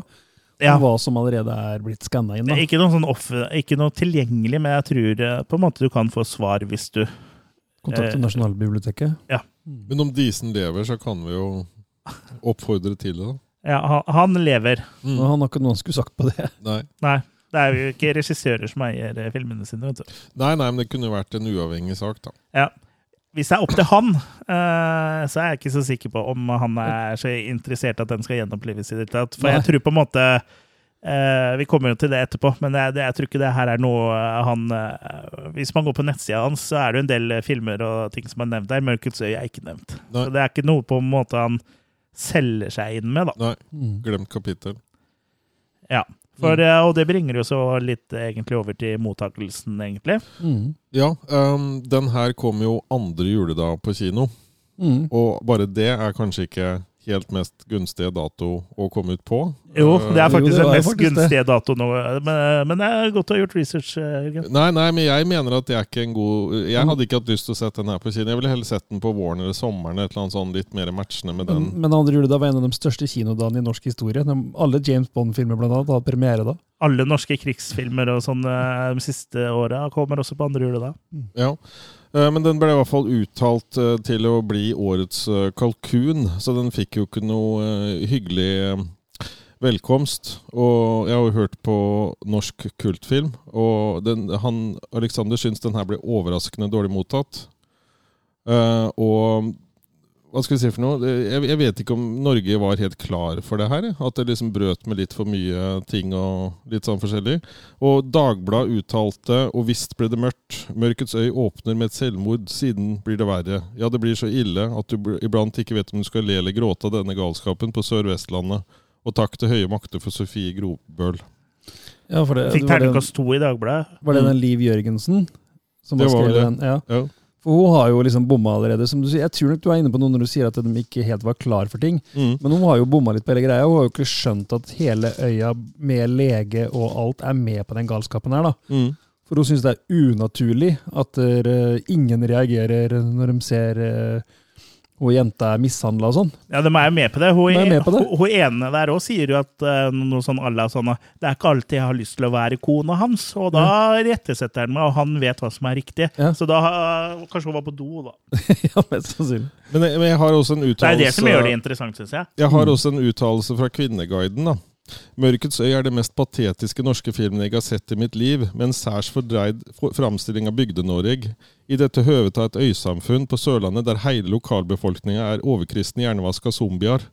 Skurken i filmen er en prest med nordlandsk dialekt, og det har blitt meg fortalt at han egentlig ikke snakka nordlandsk på ordentlig, og at han, regissøren bevisst har gitt, ha, gitt han ei nordlandsk eh, dialekt for at han skal være mer troverdig skurk. Mm. Ja, ikke sant? Ja, Og har forstått den bedre, da. Mm. Men det eneste som eh, Han, han fikk jo sånn rimelig laber mottakelse, men han får stort sett skryt for foto, da. Mm. Det de trekker opp, er jo ofte at han ser bra ut, at det er liksom fine ja, landskapsshots og sånn. Eh, og ja. Men da var vel kanskje Er det en ting som ser kanskje ikke så bra ut, så er det på slutten på klimakset der, hvor det er sånn der eh, date, Day for night-shots, som Ja. ikke er så veldig overbevisende når du da Nei. filmer undervinkla opp mot en blå himmel. Pluss at det derre sykehuset det ser Ja. ut som det er nedlagt i 30 år. ja, Og det skal ikke forestille et nedlagt sykehus, tror jeg. Nei. Nei, har, har, du, har du vært på Borge sykehjem, eksempel? Det er veldig dårlig stelt eh, på sykehus og sånn Jo da, eh. men når det er det skal, det, Sykehus er som regel et busy sted, da. Alt Ja, er men gudsforlatt og Ja, men det er jo på et gudsforlatt sted. men, men, Ja. så, men så tenker jeg samtidig også, i den tida filmen kom ut, så hadde jo på en måte um, kirke og sånn mer å si. For det var jo ikke skilt Mm. ut da fra statskirke og sånt sånn som det er nå. mm. Så hadde den kommet i dag, så hadde den blitt ønsket mye mer velkommen da, og forståelse. Ja, mest sannsynlig. Mm. Så, så vet jeg ikke om, om Det er jo ikke en anmelder i Norge som hadde noe forhold til det her som sjanger, eller referansene i ting og tang her. Nei, De kritiserer jo blant annet at uh, skuespillet er liksom for mye, da, over Ja. topp top og sånn. og for de som liker da, de italienske filmene, Mm. så på en måte, som jeg i hvert fall tror er inspirasjonskildene, da, så er det jo sånn skuespill er i de filmene her. ja, ja. Og han får også Og, det og den her uh, Don't Look Now, og når han uh, Donald Sutherland uh, Skriker. blir, skriker og blir forskrekka med en sjokkzoom og sånn, er ikke det overdrevet, så vet ikke jeg. Ja, Han får jo ofte stryk for tam story òg, men jeg syns Ja. han, han bygger opp fint, på en måte. Jeg syns det er bra, story. Ja, så det skal ikke mer til enn det som skjer her. Men den aller verste er vel kanskje Moss Dagblad, som klarer også å skrive at eh, musikken i filmen er stusslig. Ja, for det, uh, så skal vi gå over til å snakke litt om musikken, kanskje, da, eller? Mm. Eh, Jeg må bare også nevne at uh, filmen ble vist på TV 1000 Nordic i 2005. Så, Med sladd. Oi! ja, Med sladd? Nei, jeg tuller. så, det, så den var faktisk uh, sånn sett tilgjengelig da, da. Så kanskje Ja. noen har et gammelt opptak på VHS av det. Ja, i 2005. Ja, Mm. ja for da har jo finnes det jo tydelig Det er sikkert samme eh, releasen som kanskje er, er på DVD-er og sånn. DVD-er og Det sånn. kan godt hende. Mm. Eller det er jo en, det er jo en egen greie med TV Unnskyld. Med Mm. TV-master i forhold til eh, DVD-er og Ja. Blu-rayer og sånn, da. For, det er for, for, eksempel True Lies har det jo eksistert en TV-master i HD i Ja, ja, ja.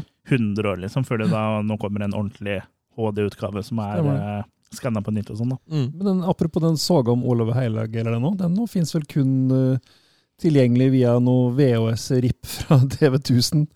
Så det, er riktig. Ja. mm, så, ja. Det er vel eh, Kommer vel eh, Tipper vel både den og Showbiz kommer på norske filmklassikere Ja, ja, ja. etter hvert, kanskje? ja, absolutt. Nei, men Vi kan godt fortsette med musikken. Ja. Ja, siden, Skal vi liksom, være litt seige menn? Ja, vi skal siden Moss Dagblad da sa at den uh, Stusslig. var stusslig. Ja. Jeg syns jo det er noe av det første jeg biter meg merke i når filmen starter. Så er det jo en bra filmmusikk. Det er ordentlig score her, liksom. Med orkester. ja, med orkester. Men det her var jo helt tett på at eh, nett begynte å bli kommersielt også uh, i forhold til den vanlige bruker. Så jeg vil, jeg vil jo tro at folks kunnskap også om film og det å se fra forskjellige ting og kunne lese seg på en sånn, så hadde den filmen her også Hvis han hadde kommet f.eks. i 2000 da, istedenfor Mm. i 97, tror jeg også hadde gagna filmen. Ja da, det kan godt være. Mm. Men som sagt, Søren Hylgar eh, var jo dansken som har skrevet score. Jeg, må skille litt mellom score og eh, soundtrack her, da, på en måte. Mm. Ja, for det er noen uh, Seimen har jo også laga Ja. En låt, og så er vel Bloodhound Gang og noen andre uh, band bidrar også med noen låter. Ja, ja, det er masse band. eh, Men det er vel kun Simon som skrev en låt uh, Til filmen. filmen, filmen. for For, de- de andre, jo- som Bloodhound Gang og sånn, var på Ja. en måte andre. Simon har jo laga tittelmelodien. Ja, som Eh, heter Mørkets øy. Ja, Den ble gitt ut som singel i 1997. Ja. Uh, Og B-sida på den singelen inneholder to org orkesterutgaver av låta, som Søren Hylgar eh, sammen med Pra Filharmoniske Orkester har uh, laga. da. Ja, og det, soundtracket er jo gitt ut på CD òg, med da de låtene, og i tillegg de orkesterversjonene. Det er, Mm. Og den fins jo bare på CD. Fins ikke på noe Spotify eller Apple Nei. Music eller noen ting, så det er litt sånn irriterende. Seiman-låta er jo selvfølgelig der under Seiman. Ja. Der kan også Christer sørge for at musikken gis ut på nytt. Da. Mm. Ja. eh, det er nok vanskelig med sånn filmmusikk når det er eh, blant annet Blood Out Gang og det er uh, forskjellige artister på, men i hvert fall en Ja, Simon-låta og, og de orkestergreiene burde vært mulig å få Mm. til, i hvert fall. Skal vi høre litt på Mørkets øye, Seimen? Mm. Ja, litt bjeller i starten. Hvis du bare tar på deg buksa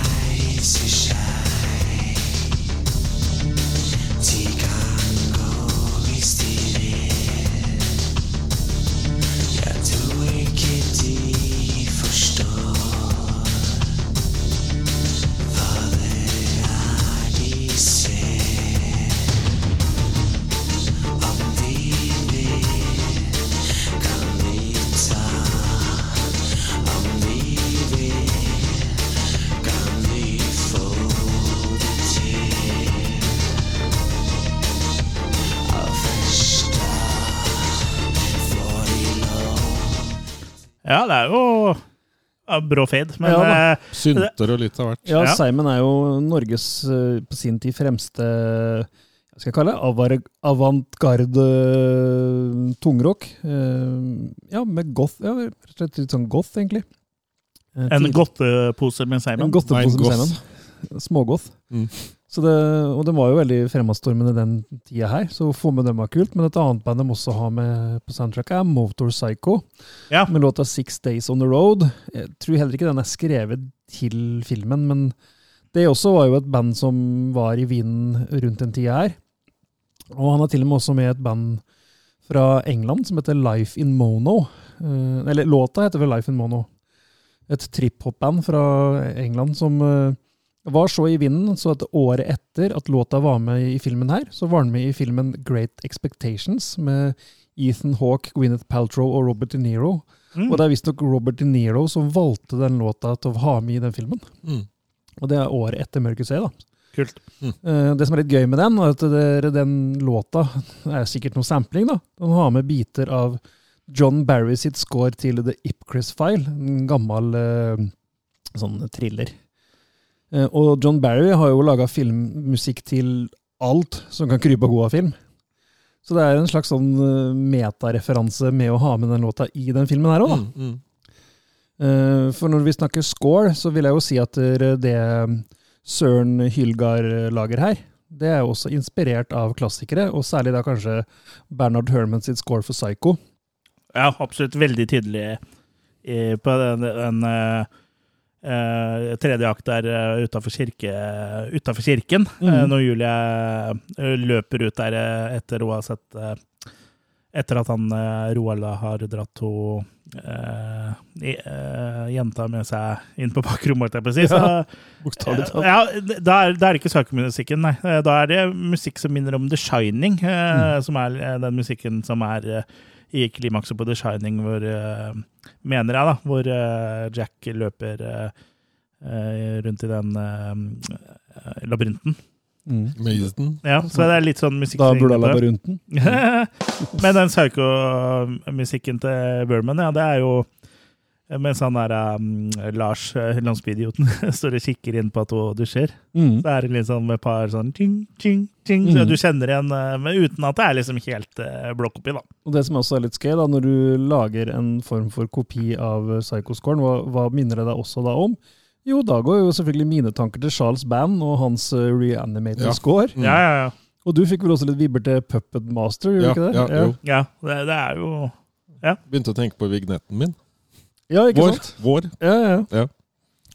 Altså, det er absolutt et score og et soundtrack som stikker seg ut, da. Mm.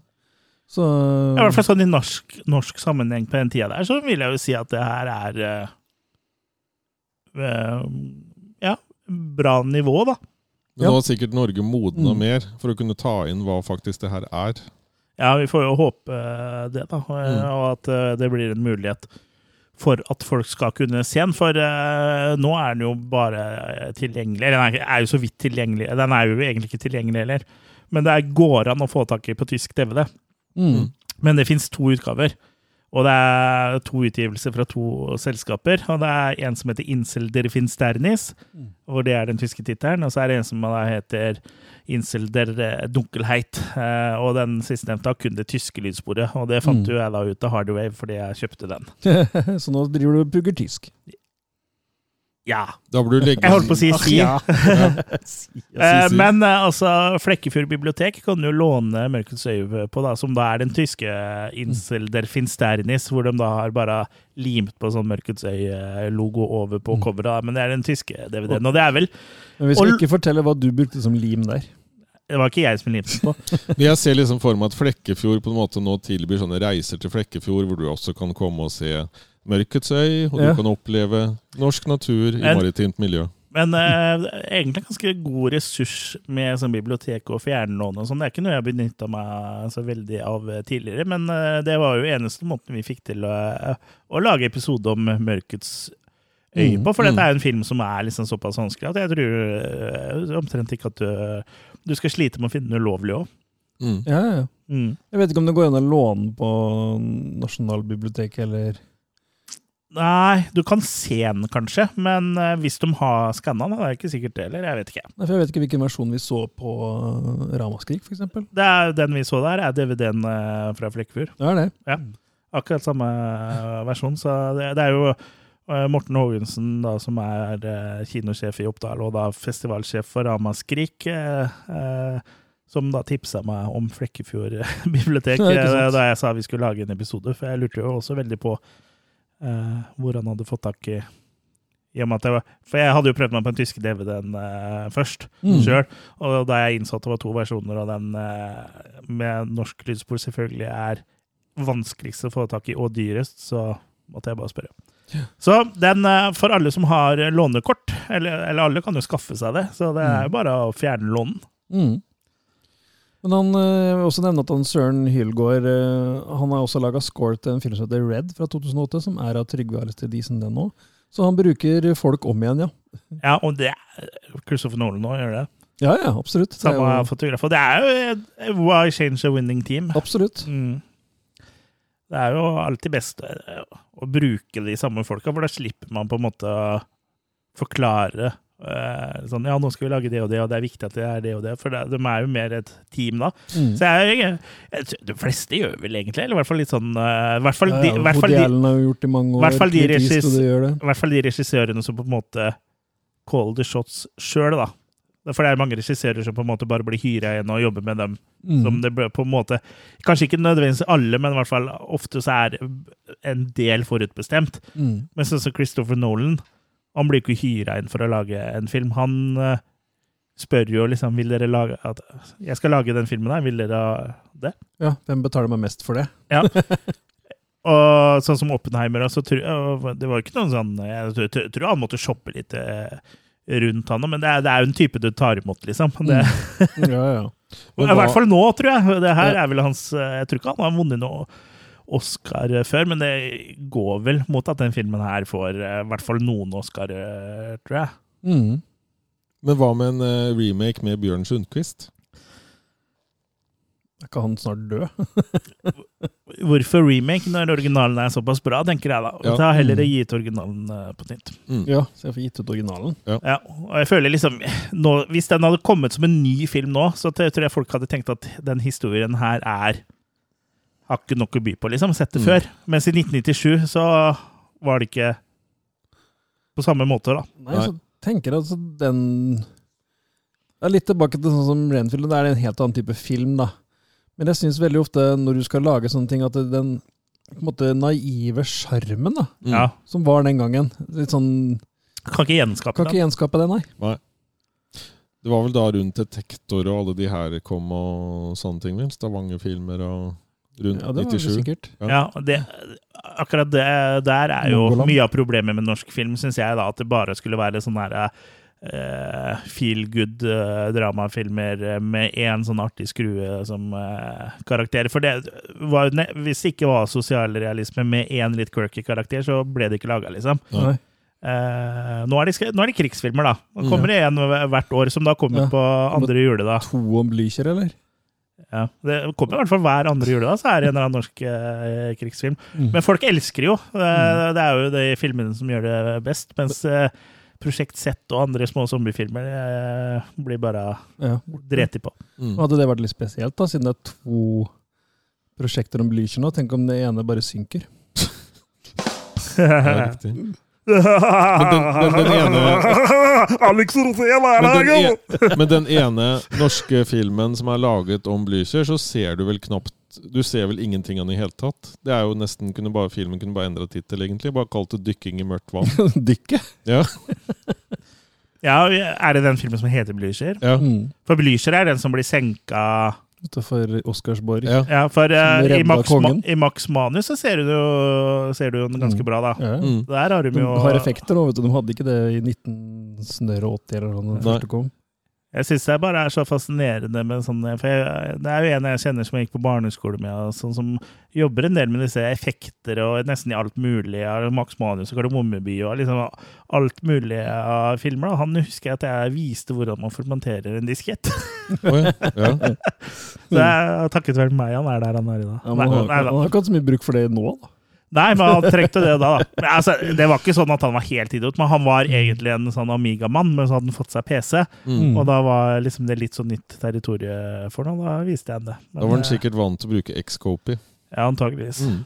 Jeg husker vi Jeg og han lagde en del filmer sammen, også på VHS. Og sånn, så vi, så til sånn skoleoppgaver og, og sånn. Så vi lagde noen introsekvenser på Amiga, da. Mm. Mm. For Amiga kunne jo sp spille ut hvis du hadde en sånn type eh, boks, da. Så vi fikk det liksom over på VHS og sånt. Mm. Så vi lagde sånne animerte introer og jeg tror vi brukte både Deluxe Paint, eller hva Mm. det heter for noe. Så brukte vi Skala etter hvert òg, eller om det Ja, var noe jeg brukte uh, på Skala. PC.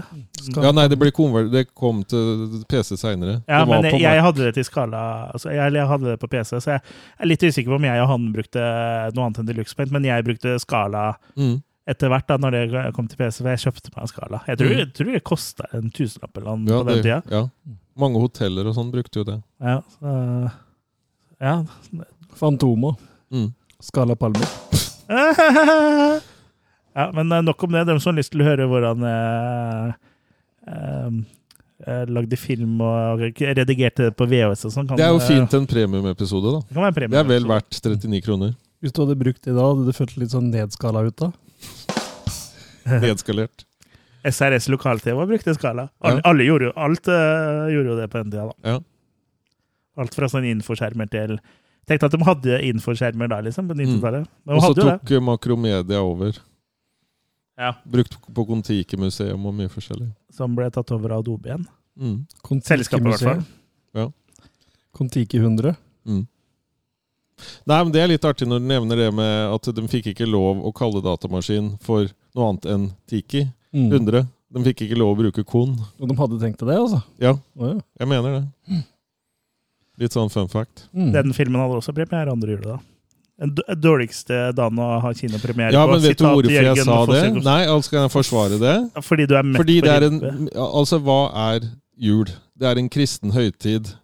Og så sparker du inn uh, og kritiserer kristendommen på andre juledag. Jeg mener det er dårlig timing. Ja, det kan godt hende, men du sa at det var den dårligste dagen å ha filmpremiere generelt på. Hva virka det Ok, som da tar jeg tilbake det. Da redigerer jeg bort det. Ja, det er Uh, Det er mottatt. Det. Men det, det kan Det var nok eh, folk som følte seg litt støtt av det, ja. Og, Du, de fikk nok Sørlandet imot seg. Henning Olsen. Men, men allikevel så er det bare Flekkefjord som har filmen nå. Ja. Ja, de var veldig stolte. Og det var jo eh, på premiera i Flekkefjord. Jeg vet ikke om det var på Hidra, for det husker jeg ikke. for det her er ikke notert, Men jeg husker å ha lest om det i Nasjonalbiblioteket. Så måtte de jo sette fram 50 ekstra stoler på premiere og sånn. Mm. Og så sto det liksom skrevet, og så var det anmeldelse, og så var det sånn der eh, typ sånn fem på gata eller ti på gata eh, også, da, hvor det sto liksom hva man syntes om filmen. Det var ikke så veldig bra. For Jeg trodde typisk andre juledag var den da dagen folk flest gikk ut ja, og var på fylla og sånn. Ikke gikk på kino. Kjempestor kinodag. Har det vært i alle år. Mm. Ja, Jeg har aldri levd sånn som normale mennesker, så jeg skjønner at jeg ikke har fått med det. Det var blockbuster i USA, så var det andre juledag i Norge. Ja. Jeg husker det var masse premierer. Mm. Ja, og nå som verden på en måte har blitt litt mindre og sånn nå, vet du For i Norge så kommer jo ikke filmene eh, f- Ja, Storfilmene være kommer jo mye senere i Norge, ikke sant? La oss si de hadde premiere i Hollywood i, på sommeren, da. så kom de til Norge til jul, liksom. Ja, Mm. for så, sånn som nå, da, eh, så har jo Deadpool and Wolverine, den nyeste Deadpool-filmen som er venta veldig eh, mye Som folk har store forventninger til, da. Den kommer jo i slutten av juli. Mm. Ja. Ja, Men det er jo høytid. for- Det er den beste slåtten eh, å bli gitt ut på i USA. Og da kommer den jo 26. juli her òg. Mm. Ja, Fordi og det du har kan- vært uh, Sånn som noen av de siste Star Wars-filmene har vel kommet et døgn tidligere her enn i USA òg. Mm. Ja. Eh, eh, eh, ja.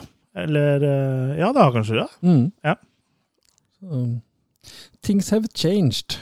Ja. Og bra er det, for eh, er det én ting som bidrar til piratkopiering, i hvert fall, så er det man Ja. må vente på ting. Ja, ja. Liksom. Mm. Åh, jeg husker vi hadde kopi av eh, Var det Batman Returns, eller, om, eller bare kanskje det var den første Batman, Tim Burton-Batman, som uh, var filma på en kino i USA.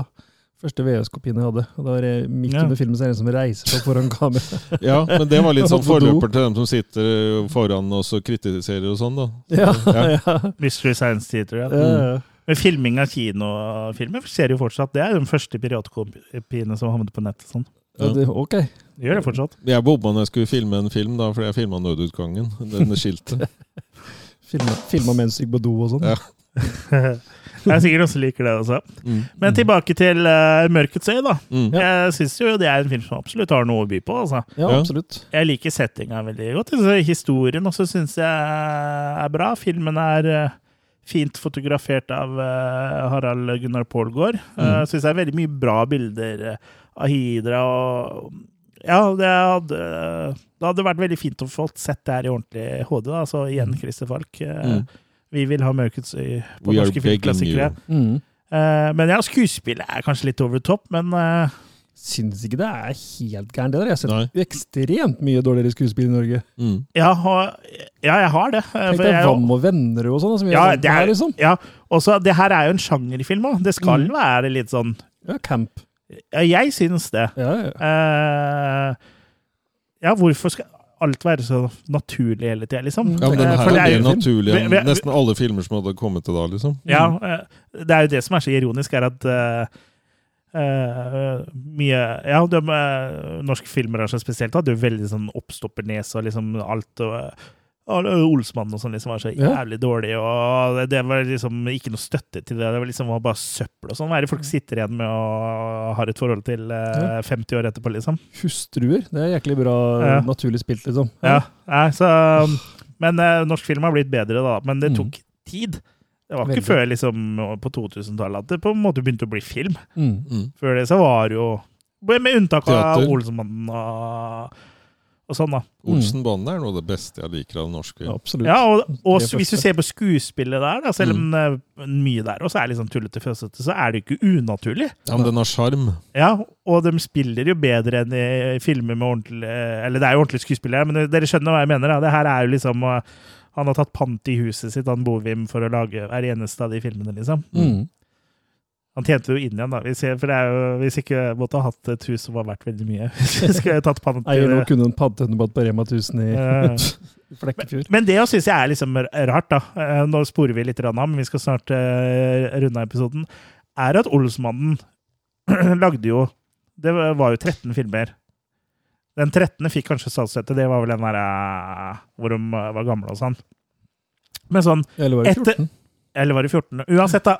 liksom På den fjerde filmen, eller femte Hvorfor er det ingen som liksom bare Hvorfor, Ja. hvorfor ville ikke norsk film på en Mm. måte anerkjenne det her og på en måte Mm. bidra litt? Det her er en suksess. Nei, det vil vi ikke ha noe med å gjøre. Sjuk- Hva? Det, det, det, Ja. ja, da var det ikke sånn, De lager ikke film for folket, de lager liksom film for seg sjøl. Det er liksom litt av inntrykket at de gjorde på den tida. Mm. Og det var jo skattepenger som gikk til filmproduksjon, og folk Ja. ville ha Olsmannen, de ville ikke ha hustruer. Nei. Nei. Altså, jeg bare, jeg syns det er så rart. Flåklypa av fjols til fjells, dem. Ja. Mm. Men det jeg syns var morsomt um, Jeg har jo vært i Thailand et par ganger. Og hengt, og hengt med folk. Med Valborg. Og, og på rommet da uh, så viste jeg hun jeg var sammen med da, Olsenbanden. Ja. Og hun skjønte jo ikke et skvett av det som ble sagt, men hun likte filmen. ja. Og jeg, jeg mener 70 millioner kan ikke ta feil. Ikke sant? Hvis hun likte det, så er det fikk sikkert flere thaier også som liker det. Mm. Så det er, det, vi sitter jo liksom Vi sitter jo på noe bra. Ja, ja. Som vi har stjålet fra Danmark. Mm. Ja ja, men eh, nok om det. Ja, men dem, dem tok jo hele Norge når vi var i union med dem, så vi må jo få lov til å stjele tilbake. Ja, det, det, det er sant. Ja. Ja, da. Men jeg, jeg liker i hvert fall eh, Eller jeg, jeg liker starten og slutten på Mørkets øy best. Og så syns jeg den blir slakk i strikken midtveis. Og så kommer liksom punchen og veldig kult på slutten. Ja, ja. Eh, men jeg må innrømme jeg kjeda meg store deler av Mørkets øy. Også. Og så syns jeg den er overfotografert på filminga. Føler jeg, da. ja. Ja, det syns jeg ikke. Nei? Ja, nei, jeg er ikke heller så veldig enig i det. Jeg kan, jeg kan skjønne det at du syns han er litt kjedelig i midten. Det kan jeg forstå, men jeg syns det er litt sånn sjangeren er. overfotografert er, for, er som å si at eh, Mona Lisa er for kunst. Liksom. Det, jeg jeg sier ikke at Mørkets øy på en måte er eh, det ypperste av, eh, av film jeg har sett, men den er absolutt ikke overfotografert. Jeg syns den gjør akkurat det den trenger, og den er bra filma. Bra Mm. p- p- produsert på den måten her. Mm. Eh, eneste som skuffer meg litt, er den der uh, Night for Day, eller Day for Night-shotsa. Så kunne det kanskje vært litt mindre sånn in your face, kanskje. Mm. Ja, men det var jo stilen de Ja på en måte gikk for, da. Absolutt. Og Hvis vi ser på den italienske filmen og Mm. Nå er det lenge siden jeg har sett Don't Look Now, da, men i og med at det er den han er mest in inspirert av, så er det kanskje litt sånn der òg. Jeg husker i hvert fall at det er en sjokksum som går langt inn i nesehåra til eh, Donald Sutherland. Sutherland. Jeg holder alltid på å si Keefer.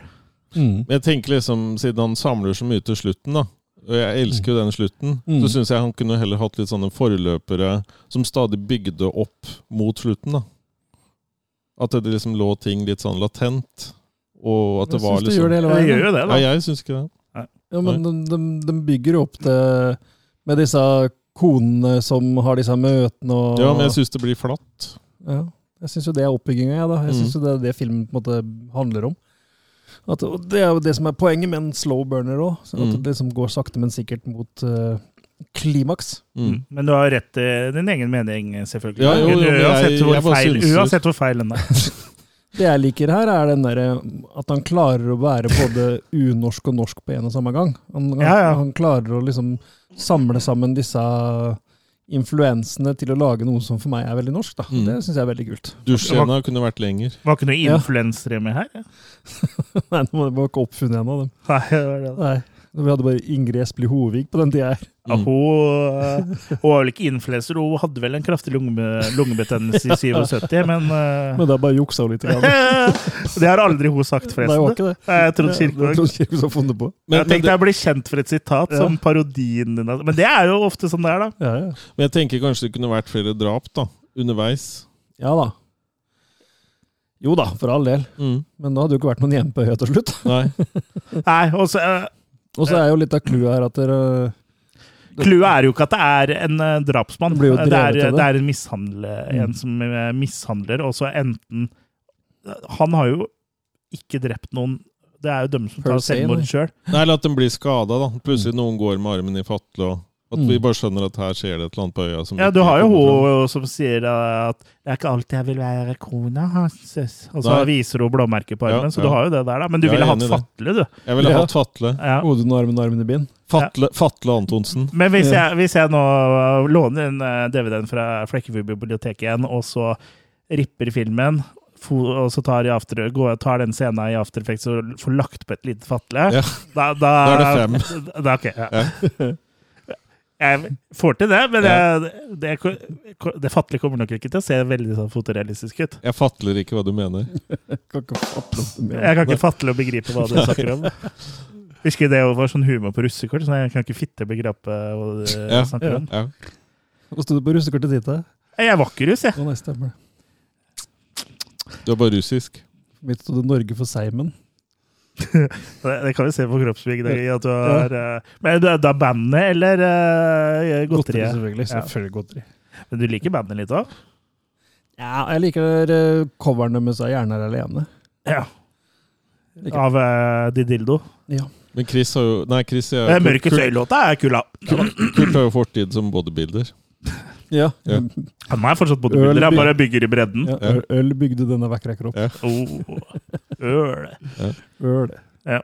Nei, men eh, jeg, jeg syns det her eh, er eh, bra. Altså, det var kanskje ikke noe De store massene var kanskje ikke klar for dette, men hva slags film han var liksom massene vant til å se? Det som hadde vært interessant å vite, er liksom hva de som så på VHS, og som så og Don't Look Now og alle de italienske filmene, hva de syntes om Mørkets øye Ja. i 1997. For de var jo Mm. ikke filmanmeldere. Nei, de var ikke filmanmeldere. Altså, de, eh, jeg har jo sett på IMDb, så er det noen ganske gamle eh, sånne reviews der, sånn fra starten av 2000-tallet, når på en måte internett begynte å ta litt som viser at den, eller som syns at den er bra. Ja, Det er til og med en som har gitt den ti, som har skrevet review og gitt den ti. Mm. Ja, Trygve heter han. Den har jo en rating eh, på fem, mm. altså midt på tre, av 515 anmeldelser på IMDb. Mm. på Letterboxd, som da er en sånn slags IMDb, men med en sånn litt mer sånn sosial greie at du følger folk. Mm. Der har han sju i snitt. Mm. Ja. Men eh, jeg tipper at de fleste eh, som har stemt på en på Letterboxd, også har uh, sett uh, har sett den på Ramaskrik. For Mm. der det står liksom sånn lignende filmer, sånn, så mener jeg den der Suitable Flesh ja, men de gjør sånn. det på IMDb òg. Ja, så det er de samme som Ja. uh, har stemt. Mm. Men Men jeg tror på Mørkets øye så er det jo mange som stemmer som ikke kan ha sett filmen òg. Så det er jo Mm. liksom helt sånn Ja, og så er IMDb har jo vært mye lenger enn Letterbox, Mm. så jeg vil jo tro at sikkert eh, 99% av dem som har stemt på Letterboxd, har nok sett den på Ramaskrik, 3. ja. Mm. Tror du ikke? Jo. Um, ja, men uh, Bortsett fra hun som uh, spiller inn, da, som Ja, hun må vi ta en liten shout-out til, for vi så henne ja. på Ramaskrik. Da, da var jo hun også til stede, eh, hun som var, var en av statistene, som var Mm. en av barna på den uh, danske skolen, som da Mm. er en norsk skole, da. Ja. Eh, hva het, jeg husker ikke hva hun heter nå, men hun driver en blogg, ekkelt.no eller noe sånt. Mm. Stemmer. Frø, Eh. frøken Ekkel. Mm. Ja, jeg, jeg tror ikke det er døpenavnet hennes. Ja, man kan ha bytta til det, da. Jeg tror man hadde fått lov til det. Men uh, nettsida heter i hvert fall eh, ekkelt.no, da. Mm. Uh, ja, så hei til deg. Det, det, og hun fortalte jo også litt, eh, for den filmen ble presentert av norsk kultfilm da, på Ramaskrik der, og hun fortalte jo også litt om eh, hennes erfaringer av det å være med. Og hun hadde jo med seg en venninne også, som Mm. var eh, og som er eh, nyhetsanker eh, i TV 2. Mm. Jeg husker ikke hva hun heter, men hun er i hvert fall Jeg ser henne for meg, men jeg husker Ja. ikke hva hun heter. Da ble Mørkets øye et springbrett, liksom. Ja, det tror jeg ikke. Men det er kanskje på tross av. Mm. Jeg husker ikke hva Det hun heter, men nå er jo i hvert fall uh, mørk i huden, da. Mm. Hvis det er lov å si. Det er, det er vel lov. Ja, ja. Jeg husker ikke hva hun heter, men nå er jeg dyk, dyktig eh, Men misforstå sånn. meg rett, jeg må korrigere på det. Altså, Jeg syns at det er, det er et stort potensial, vil jeg si. Mørkets øye. Er det den vi snakker om? Mm. ja. Dennis. hm? Dennis snakker om. Dennis, ja. Mm. Denise Det er jo et lengre intervju på Norsk Kultfilm hvor de snakker med også, Ja, med hun statisten. At det var harde tak og lange dager. Ja. Er det hun som hadde potensial, eller hva? Det er filmen. Ja, filmen, da. Mørkesøy. Mm. ja, for meg, jeg syns det her er gøy. Og det er etter at eh, etter, Du og jeg så den jo på Ramaskrik, Kurt. Etter vi hadde Mm. sett den, så bare synes jeg bare, det her var jo helt fantastisk. Mm. Og, og så snakka vi med Tommy My- Myrbostad. Han eh, så den jo også, men han syntes den ikke var så fantastisk. Men han ble liksom overbevist av oss til å se den igjen, siden vi var så frelst. da. Mm. Ja. Eller frelst og frelst. Eller jo, litt frelst. Jeg syns den var veldig bra. Det var, og jeg, jeg innbiller meg at jeg har sett Mørkets øy på VHS, altså. Men eh, jeg kan ikke huske det. Men jeg, I metaverset. men jeg mener at jeg har sett den. Men altså, det her var jo i så fall i, da den kom på VH sikkert i 98, da. Mm. 97-98. Mm. Uh, sikkert 97, da, hvis den hadde premiere på kino i andre jule. da. Mm. Hadde jeg funnet den på VHS, hadde jeg nok kjøpt den òg, bare for å ha den, Ja, Ja, helt, den gamle VHS-en. helt enig. Uh, Det må jo eksistere noen kopier på VHS. Ja, men det Mm. var nok ikke så mange. For jeg, tror, jeg er litt usikker på om den kom på kjøpefilm, om det bare var leie. Jeg hørte meg Nei. gravd ned på Flekkefjord. Den Ja. VHS-en. der. Ja. sånn Sammen VHS-fylling med, sammen med E ET. ja. Ja, gitt i spillet. ja, det, er det. Mm. Nei, men um, skal vi rulle terning, da, eller? Ja. Nå husker jeg ikke hva jeg ga etter Ramaskrik. Jeg er nok ikke like entusiastisk nå. Hvis du går på filmkick.no, så Ja. ser du hva du ga på Ramaskrik. Jeg er litt usikker på om det heter filmkikk.no eller filmkick.no, for jeg tenker jo at det er filmkikk.no, fordi Ja. det er to k-er. Men så så jeg han Pål Frosta, som da er hjernen bak dette, så har også skrevet liksom for oss som får et kick av å se på filmer, så liksom Ja. Jeg er litt usikker, men så Ja. er filmkikk.no, vil jeg si det. Ja. Men Kurt, du trekker vel litt ned, for det bare var én sang i koret? Ja, Mm. stemmer det. Ja. Det var liksom Ja, det, det burde jeg trekke for. Mm. Det koret der, han kan bare én sang, og du kan ikke bare én sang, og du kan bare én strofe fra den Mm. sangen òg. Ja, hva var det igjen? Det var den derre Jeg husker ikke hva det var. Du sa 'He's got the whole Nei, world'. Der, ja, den derre Det var ikke den, men det er sånn Soon and very soon we are going to see the king. Mm. Ja, men det er, Soon and very soon we are going Og så om igjen, om igjen, Kanskje den bruker bare referanseretten? Kanskje det. Mm. Spare penger? sitatretten. Mm. Jeg regner med det var en rimelig ikke- public domain. Jeg tror den er public domain.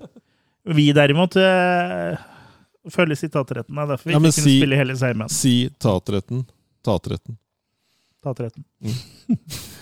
Altså, men jeg, jeg lander nok på en sterk firer. Altså. Jeg Mm. husker som sagt ikke hva jeg sa, men en sterk firer er den, er den verdt. Du Mm. ga femmer sist. Jeg gjorde det. Ja. Da er litt strengere nå, eh, men fortsatt en veldig bra film. altså Mye bedre enn eh, ryktet tilsier. Og virkelig en film som er verdt å, å ha fram i lyset, og som vi Mm. bør jeg synes vi bare er litt stolte av at vi har en sånn norsk film. Få mørkets øy ut av mørket. Mm. Mm.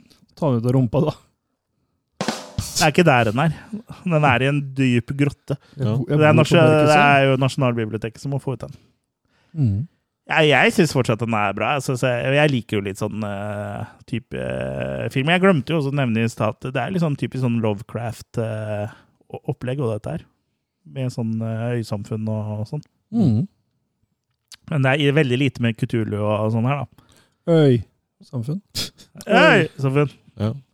Det er kanskje det hadde vært fett, liksom, om det var noe sånn at han presten egentlig var sånn halvt Kutulu, at det kom noen sånne tentakler ut på slutten her og sånn, eller hadde det blitt for mye? Og bare knull Tulo.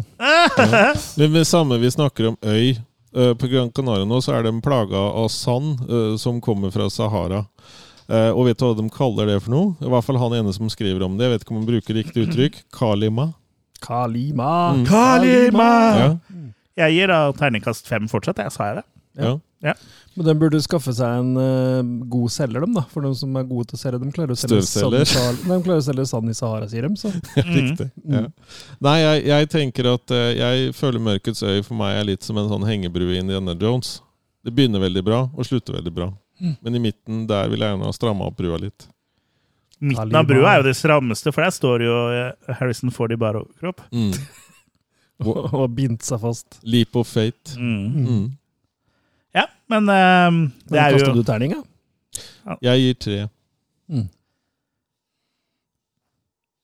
Mm. Det var Mørkets øy, det, da. Mm. Det, ja, det var absolutt et eh, flott gjensyn. Ja, og det håper at neste gang jeg ser Mørkets øy, så kan jeg se den eh, på en Blu-ray da, fra norske Mm. filmklassikere. Hører Ja. du, Christer Falk? Jeg også vil gjerne se den på en uh, høyere grad. Du hadde, du hadde kjøpt den? Uh, hvis Ja, den ja. ja, ja men jeg er positiv til den. Mm. Ja. Misforstå meg rett. Så det, her har du tre salg allerede, da, Christer. Mm. Jeg vil tro at Mørkets øy er en av de filmene som faktisk vil ja, vil komme ut, da, hvis Også den blir lagt ut for funding.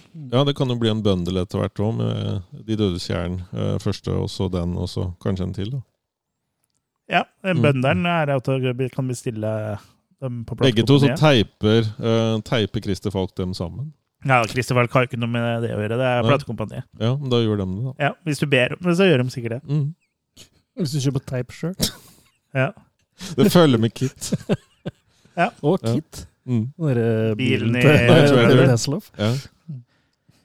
Yes, men jeg føler at nå må vi avslutte, for nå sklir det helt ut. Nå må du legge oss. ja, nå skal jeg legge dere. Mm. Men ja, vi vil ha mørkets øy ut Ja. av mørket. Ha det bra! Ha det. Eller hvor kan folk følge oss?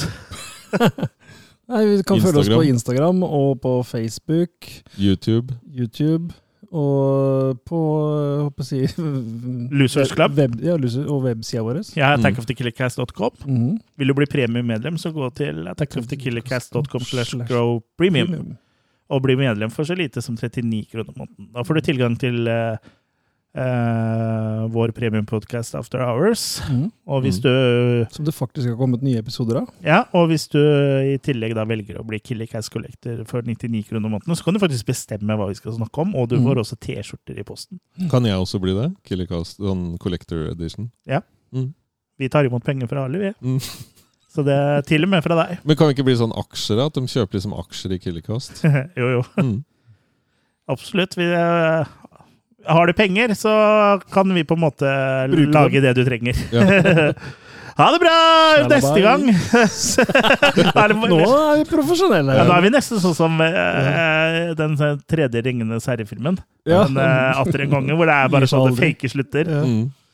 Ja, men, eh, neste gang så skal vi jo Blir du litt flau nå? Ja, nå ble jeg litt flau over at vi var så uprofesjonelle. Jeg ble flau over hullet mitt. Ja, For neste gang så, så er det jo da Skal vi ta opp tråden i en episode som vi hadde Var i 2019, tror jeg. Mm. Eh, Hvor vi da snakka om flaue hull, altså filmer vi ikke har sett, men Mm. som vi føler alle andre har sett. Mm. Så da skal vi ta en liten statusoppdatering da, for å se om Mm. det har blitt noe bedre, eller om det rett og slett har blitt verre, at vi har fått flere flaue hull, eller i hvert fall kommet på flere flaue hull.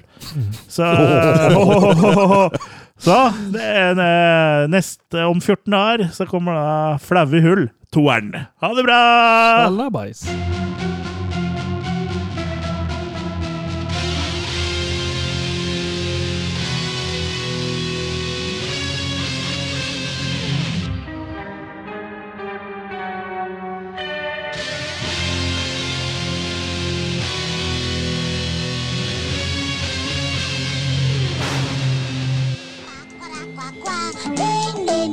Quack, quack, quack, quack. Eh, eh, eh,